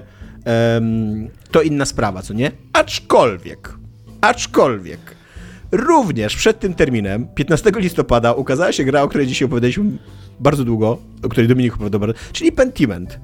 I fakt, że Pentiment nie jest ani nominowany w żadnej kategorii, ani jako gra indie, ani jako narrati- e, za narrację, ani za e, art direction i tak dalej, każe podejrzewać, że być może jednak to nie jest tak, że wszyscy te gry ograli, jakby co nie, że, że, tam, że wszystkie gry do 19-18 listopada zostały ograne przez kapitułę, co nie, że jakby Pentiment raczej wydaje się być taką grą, która powinna być za coś nominowana, co nie, zwłaszcza jeżeli go No dowodzę albo Signalis, nie? Na Albo przykład. Signalis, za Art Direction tak, ale akurat Signalis Za się wydaje... best debiut indie chociaż. Tu Tam akurat jest. Stray. Stray jest w połowie kategorii. Mogli wymienić Stray na litera i cokolwiek innego. To trochę Tu mi się niestety... wydaje, że kwestia jest inna, że kwestia jest po prostu popularność. Akurat Signalis wyszło na tyle wcześnie, że tam ludzie raczej już sobie zdają sprawę, że wyszło, co nie? E, że, że po prostu Signalis nie odniosło takiego sukcesu marketingowo-medialnego jak Stray, bo Stray Annapurna Interactive strasznie nakręcił ten, napompował ten balonik Straya, nie za nie mało jest jakaś nie mówiłaś. wiadomo jaka dobra gra. Tak, no tak, tak, tak. Ale I- właśnie, wiesz, to mnie właśnie wnerwia w tych, w tych, w tych grach. Jakby są, nomina- są nominacje i jakby to nie jest tak, że jakby ty bierzesz jakieś gry, które powychodziły i realnie sprawdzasz, czy to są dobre gry, tylko jakby właśnie Stray się cieszył popularnością, bo był tam kotek, literally, to jest Tak. wszystko to, co Tak, ta gra miała. tak, był tak. kotek, to już dostaje nagrodę. I jaki to ma kurde sens, żebyśmy zrobili coś więcej z tym medium, jeżeli wystarczy, że wstajesz do gry kotka i to już jest super, bo jest kotek. Tak. Jesus ja fucking Christ się dodam, że- przepraszam. że- E, ja, było- ja chcę ponownie nominować e, ludzkość do e, tego Do największego rozczarowania roku. Ja Dziękuję. chcę tylko dodać, że do tego, co Tomek mówił o Pentimencie, że jakby nawet pomijając takie subiektywne oceny jakości, co jest lepszą grą, co jest gorszą grą, to to jest obiektywnie ciekawa gra. To jest taka gra, którą lubi prasa i którą powinna lubić prasa, która próbuje robić coś innego, która porusza jakiś ważny temat, który nie jest tylko y, y, wychowywaniem dziecka przez zabijanie ludzi. I jest, i jest, walce. y, jest specjalna kategoria Art Direction. Jakby to jest gra, która wygląda Dokładnie. i brzmi dokładnie tak, jak gry nominowane do Best Art Direction. I w tym Best Art Direction jest nominowany Scorn, który te, jako sama gra jest dosyć słaba, więc jakby tam wydaje się, że Ale to jest taka... akurat Art Direction ma dosyć mocno. No tak, tak, zgadzam się, aczkolwiek nominując gry w takich kategoriach, bardzo bierzesz pod uwagę to, moim zdaniem, czy to jest dobra gra tak overall, co nie, w całości. Więc tutaj wydaje mi się, że trochę brakowało po Ale prostu czegoś do nominowania, więc ludzie wrzucili ma Scorn, co nie, no ale to jest ładna gra, co nie. Ma ładnego kotka. Ma kotka. pussy. Tak, więc, więc Jak go ubierzesz, to się przewraca. O mój Boże, Game of the Year. I jest nawet I nominowany jeszcze, chyba, nie? jeszcze Game to, jest, to jest coś, czego ja nie, nie rozumiem w tych Oczywiście, zarzutach że żeby te, żeby te kocie zachowania żeby ich było dużo, żeby one były konsekwentne i tak dalej, ale nie, to są ze trzy momenty w tej grze, kiedy ten kot się zachowuje jak kot, a tak to się zachowuje jak człowiek z kocimi jakby zdolnościami y, skakania i, i tyle, i skakania tak naprawdę. I zrzucania rzeczy I zrzuca- rzeczy, ale no nie wiem. raz na jakiś czas to jest zagadka, a raz No na jakiś właśnie, czas nie wiem, czy jest. zrzucanie rzeczy to jest kocia umiejętność, bo to nie jest tak, że ty jesteś jakoś pociągany przez zrzucanie, do, do zrzucania tych rzeczy, jakoś, wiesz, nagradzany, że to jest takie właśnie twoje zboczenie, jakieś taka kocie, tylko to po prostu jest rzecz, a ty jesteś kotem, to może zrzuć to, co nie? Masz kolizję też, więc po prostu idź i walnij w tą kolizję, to to zleci. No Tak. tak, przepraszam, jestem, jestem... Ja zapominam o tym, jaki to jest bullshit i ja się w to mocno angażuję emocjonalnie, bo uważam, że powinny być jakieś takie obiektywne niektóre nagrody i żeby realnie dało się o nich rozmawiać. Znaczy, właśnie liczba nominacji dla God of War Ragnarok yy, i każdy mi podejrzewać, że, że trochę ten termin też został tak wyznaczony być może, żeby Żeby God się of War się załapał. I że, że bardzo ważna jest y, przełożenie medialne tych nagród. A żeby mieć to przełożenie medialne, to powinieneś mieć nominowanego takiego No ale to też nie ma sensu, kolosa, jeszcze- co nie, jakim jest tak, God of ale War. że jeżeli my chcemy, y, jako branża, tak powiem, nie? Jako branża, w której też jesteśmy częścią, jeżeli chcemy y, nagradzać tych, którzy są popularni, bo już są popularni, żeby jeszcze bardziej ich spopularyzować, to też nie ma sensu, in all, nie? Nie ma to sensu, zgadzam się z tobą, aczkolwiek to jest nasza wina, jako branży teraz dziennikarsko-podcastowej i newsowej. Myślałam, że nasza, stricte nasza. Nie, nie, nie, nie nasza Twoja, stricte, że, e, Moja. Twoja że news, news o tym, że God of War Ragnarok dostał nagrodę gry roku, będzie się klikał dużo bardziej niż tam news o tym, że Art Direction dostał. Czyli tak naprawdę to jest wina Pentimenta. nawet nie nasza, tylko to jest wina klikających, czyli czytelników. Czyli, Czyli to was. jest wina, Czyli wina wasza, ludzi. tak. Ciebie, Graczy. w sensie, w sensie ciebie prywatnie, człowieku, który teraz słuchasz, Michał. Wow, jaki Wow, drive nawet, w nie, nawet nie, nie was wszystkich nasi słuchaczy, tylko ciebie, Michał. To, to twoja wina. Wstydź się. E, w kategorii najlepsza, najlepsza gra indie nominowane są Cult of the Lamp, e, Neon White, e, Sifu, Stray i Tunic. I to są chyba Jestem- spoko nominacje, aczkolwiek trochę, Są, trochę ale- bezpieczne. Kurde, trochę w nie nie grałam, jest mi super przykro, bo zwykle mam ograne te gry indie w roku, ale Elden Ring mi zjadł, kurde, połowę roku mam wrażenie, więc... Tak I jest było. również ciekawa kategoria debiutów indie i tutaj są nominowane Neon White, Norco, Stray, Tunic i Vampire Survivors. Vampire Survivors bardzo bym chciała, żeby dostało tą nagrodę. Just for the lulz po prostu. Potrzebujemy dawać takim grom nagrody. Nie kumam Vampire Survivors jestem, amazing grow. jestem za stary na to. Nie wiem, zagrałem raz i miałem takie, to jest to? Okej. Ja Nie, zagrałam nie dla raz i stwierdziłam, dobra, już mi starczy i grałam 4 godziny, stary. Nie, nie wiem. Natomiast chyba kupuję. pierwszy raz w historii takich nagród yy, jest ciekawo, ciekawie jest w kategorii e, jak ona dokładnie brzmi, to czekajcie chwilę. Adaptacji, ale tak, najlepsza adaptacja, dokładnie tak brzmi. E, I bo tutaj To było w nominowane ogóle są. wcześniej? Słucham? Było w ogóle wcześniej najlepsza adaptacja? Wydaje mi się, że była, tylko że ona nigdy nie była ciekawa. Ta kategoria. E, bo tutaj nominowane są e, Sonic the Hedgehog i Uncharted, czyli dwie, dwa totalnie nudne jakby nominacje. To filmy.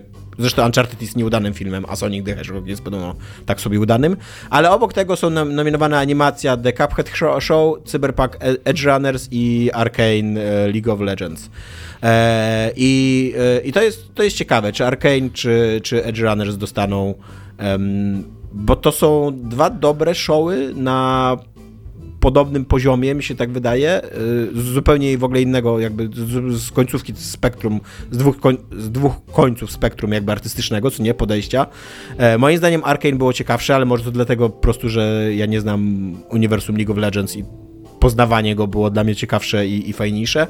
Em, no ale tak, ale jest autentycznie interesuje mnie, czy dostaną Edge Runners, czy Arkane, co nie, e, bo, bo, bo, bo to, to nawet fajna nominacja, na- na- nawet fajna kategoria, tak powiem, co nie.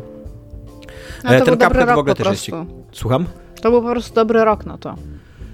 Tak, no i ten, ten Cuphead, nie wiem czy oglądaliście na Netflixie, ja obejrzałem tam chyba cztery odcinki czy Nie. pięć. Nie jest to animacja dla mnie, ale, ale, jest, ale jest przepięknie zrobiona. Tak jak gra jest, jest bardzo fajnie, właśnie tak y, klasycznie y, ładny hołd dla starych animacji, bardzo w duchu tych starych animacji i tak dalej, co nie? E, więc tak, nie wiem, czy jeszcze jakieś kategorie Ja was taki... zainteresowały? Nie, ale Call of Duty jest bardzo mało. To mnie nie dziwi, szczerze mówiąc. Jakby wydaje mi się, że Call of Duty po prostu jest. No ale wyszło w tym roku, więc powinno być go więcej, bo to jest takie, taka zasada, nie? Ja mam taką myśl, że bardzo chciałbym zagrać w Xenoblade Chronicles jakieś, ale to Xenoblade Chronicles wrzucone tam do tej kategorii gra roku, to tak widać jakby ktoś tam jeszcze szuflą musiał coś, musimy, dobra, mamy ile tam jest nominacji? Mamy pięć, musimy mieć sześć, to co tam jeszcze dorzucić? No tam Xenoblade Chronicles, dobra.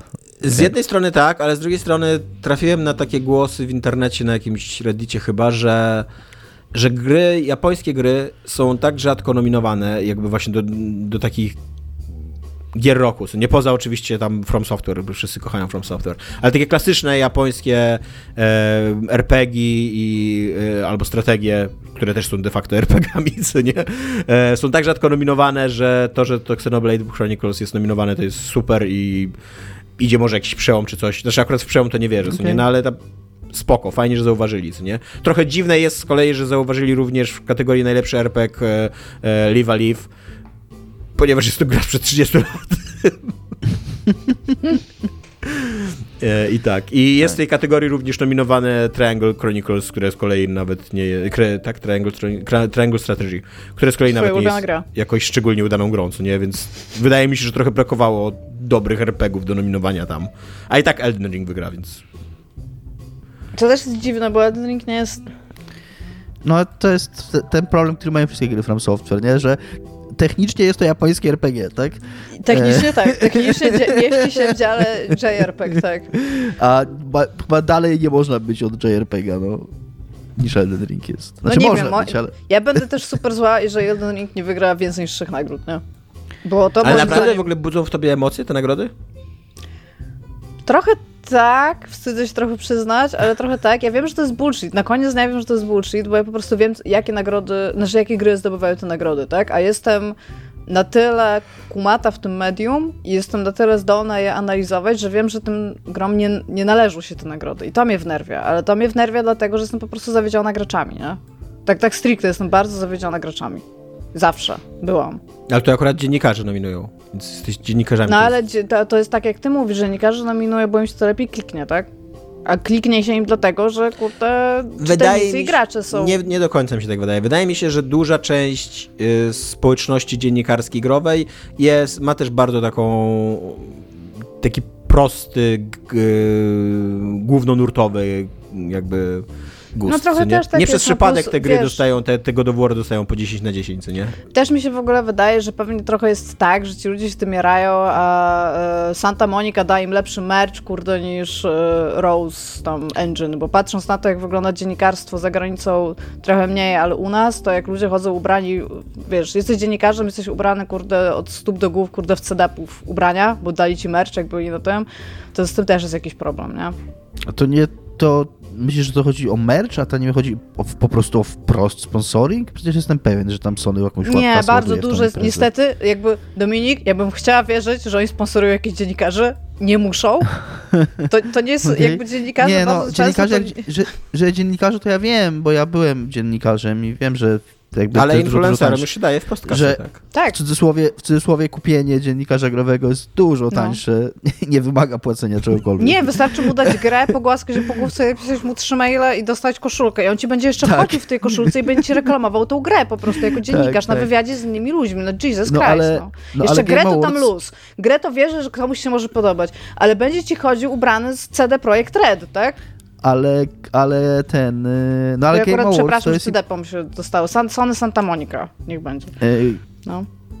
Game Awards y, jest imprezą, która przecież istnieje dzięki sponsoringowi, no, dzięki reklamom, które się wyświetlają w trakcie i tak dalej. I to są reklamy przecież producentów konsol i gier, no. Dlatego mówię, że to jest bullshit. Aczkolwiek Czekam na Indie w, Game Awards. W Fuck You jest tutaj pytanie wprost, czy e, sponsorzy show mają wpływ na nominację i jest odpowiedź, że nie, nie mają wpływu. Więc wierzymy. Ale Hideo Kojima ma, też jest pewien Ale to znowu, Ale Hideo Kojima jest teraz influencerem, ma własny podcast. Zresztą bardzo kiepski. Znowu, ja, ja, ja wiem jak to działa, bo tam byłem i oczywiście, że Sony oczywiście, że son, nikt z Sony nie napisze maila do Kiliego i nikt z Sony się nie odezwie, ale, to nie, ale nie musi tego robić. Wystarczy, że Sony wyłożyło ileś tam pieniędzy na reklamy w tym Game Awards i to jest wszystko, co oni muszą zrobić. Citizen, No tak. e, Jeszcze jedna taka ciekawostka. Citizen Sleeper Citizen Sleeper ma tylko jedną nominację, najlepsze Games for Impact. O, Games for Impact, przepraszam. Więc tak, to, że nie ma jako, jako indie, trochę dziwne moim zdaniem. No na pewno jest to lepsza gra niż Stray. Dużo lepsze gra niż Stray. Tak. I ja też nie grałem w Stray, też to wiem. No, ale też, że tam na przykład właśnie w Indie Game nie ma Signalis, też mnie bardzo dziwi. I ja bym nawet zrozumiał, że to być może nie jest w opinii wielu najlepsza gra indie, ale w Art Direction totalnie. To, nie da, to jak, jak brzmi i wygląda jak ta dużo gra. art tam jest, I- jak tam dużo direction jest. I co ona próbuje opowiedzieć i tak dalej. No to jest, to mówię, to, to, jest trochę właśnie tak jak Pentiment. Jest gra stworzona dla kategorii Art Direction, co nie? Em, no. Więc tak, więc The Game Awards mamy tutaj posprzątane, pozamiatane. Iga, tymczasem co jest grane u ciebie? Ja sobie odpaliłam taką giereczkę, którą od bardzo dawna już miałam na wishliste, czyli od roku, bo wyszła w 2021 roku w marcu. I ona się nazywa Moondown. M-U-N-D-A-U-N. Co jest ogólnie w świecie tej gry nazwą góry. I ta gra się odbywa w Szwajcarii. I opowiada historię pana, który się nazywa Kurdin. I on e, wraca do domu, do takiej wioski właśnie pod tą górą, dlatego że dowiedział się, ksiądz lokalny wysłał mu list na temat tego, że jego dziadek zginął w pożarze obory i że nie musi przyjeżdżać, że już e, kiedy dostanie ten list, to ten dziadek już będzie trzy razy w ziemi i w ogóle nie ma sensu, żeby on tak daleko przyjeżdżał. No i jakby kiedy gra się zaczyna, to ty jedziesz już do tej wioski. I teraz, co jest ważne, to ta gra wygląda, bo to pierwsza rzecz, którą się pisze o tej grze, to jak ona wygląda. Ona, wszystkie tekstury, bo to jest gra 3D z, z widoku FPP, e, wszystkie tekstury rysowane ma ręcznie ołówkiem i wsadzone po prostu na modele 3D, co czyni z niej bardzo taki eerie experience i to jest psychologiczny horror. Z elementami, ale takimi bardzo, bardzo lekkimi elementami survival. Naprawdę po prostu taki, jakby tak pędzlem, tak raz maznąć jakimś lasorunkiem, to to jest survival na tej grze. No i jakby e, kiedy docieramy do tej spalonej stodoły, znajdujemy tam zwęglone zwłoki dziadka trzymające jeszcze fajkę, którą ten dziadek tu zawsze palił. I postanowimy my jako bohater, ale też my jako gracz rozwiązać tą zagadkę, która trawi to miasto. I to jest taka giereczka, i to mówiłam, co, co, co, co jakby mnie bardzo zdziwiło, co mówiłam Dominikowi, którą udało mi się przejść szybciej niż jest czas na How Long to Beat, co się bardzo rzadko zdarza, bo na How Long to Beat jest bodajże 6 godzin, a mi się udało przejść 5,5 i to nie jest tak, że jakoś super dużo tam ominęłam. Ona ma ilość zakończeń. I to jest tak naprawdę taka gra, gdzie ten horror, oprócz tego, że psychologicznie bierze się z tego, e, jak ten kurden tam chodzi i spotyka takie dziwne postaci, to on przeżywa bardzo dużo momentów wojny swojego dziadka podczas tej gry, gdzie stało się coś nadnaturalnego i teraz taki folklor lokalny trochę cię stara się przegonić stamtąd. I ta gra jest w ogóle szalenie ładna i ma bardzo pomysłowe projekty przeciwników, oprócz pierwszych przeciwników, które są po prostu takie dosyć śmieszne, bo to są takie snopki siana z, z buzią, które za tobą chodzą. Ale potem następne są pretty fucking amazing.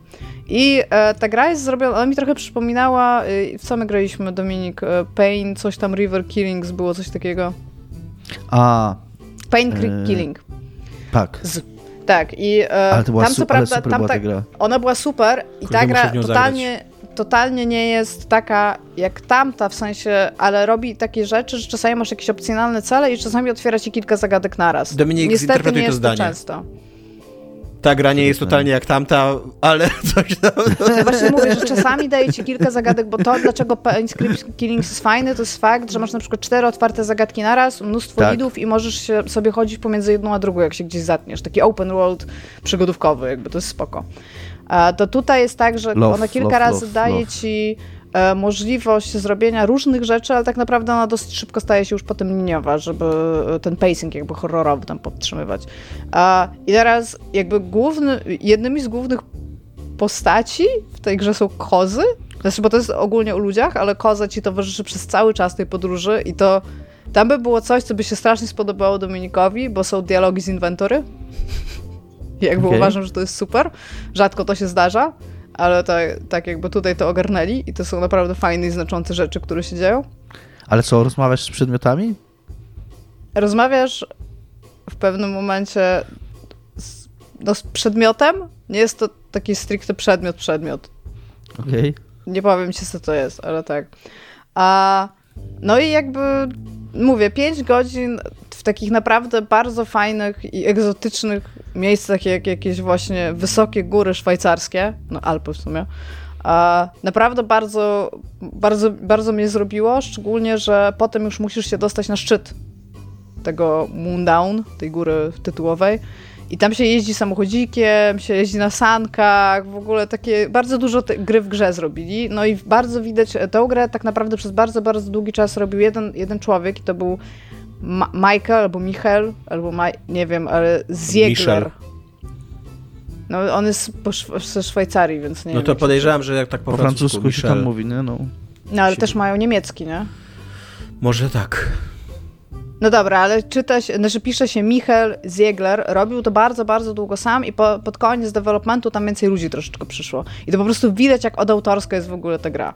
Więc ja w ogóle polecam ją przynajmniej zobaczyć, bo to jest fakt, że typ rysował węglem i ołówkiem rzeczy, po czym je skanował i wsadzał dopiero na 3D tekstury, naprawdę czyni z tą grę coś bardzo, bardzo wyjątkowego tak wizualnie. Plus jest to moim zdaniem bardzo fajna gra, nie jest, nie jest to taki horror, żeby się może posrać w gacie zaraz, ale jest, trzyma napięcie bardzo fajnie i ma kilka bardzo, bardzo fajnych zagadek.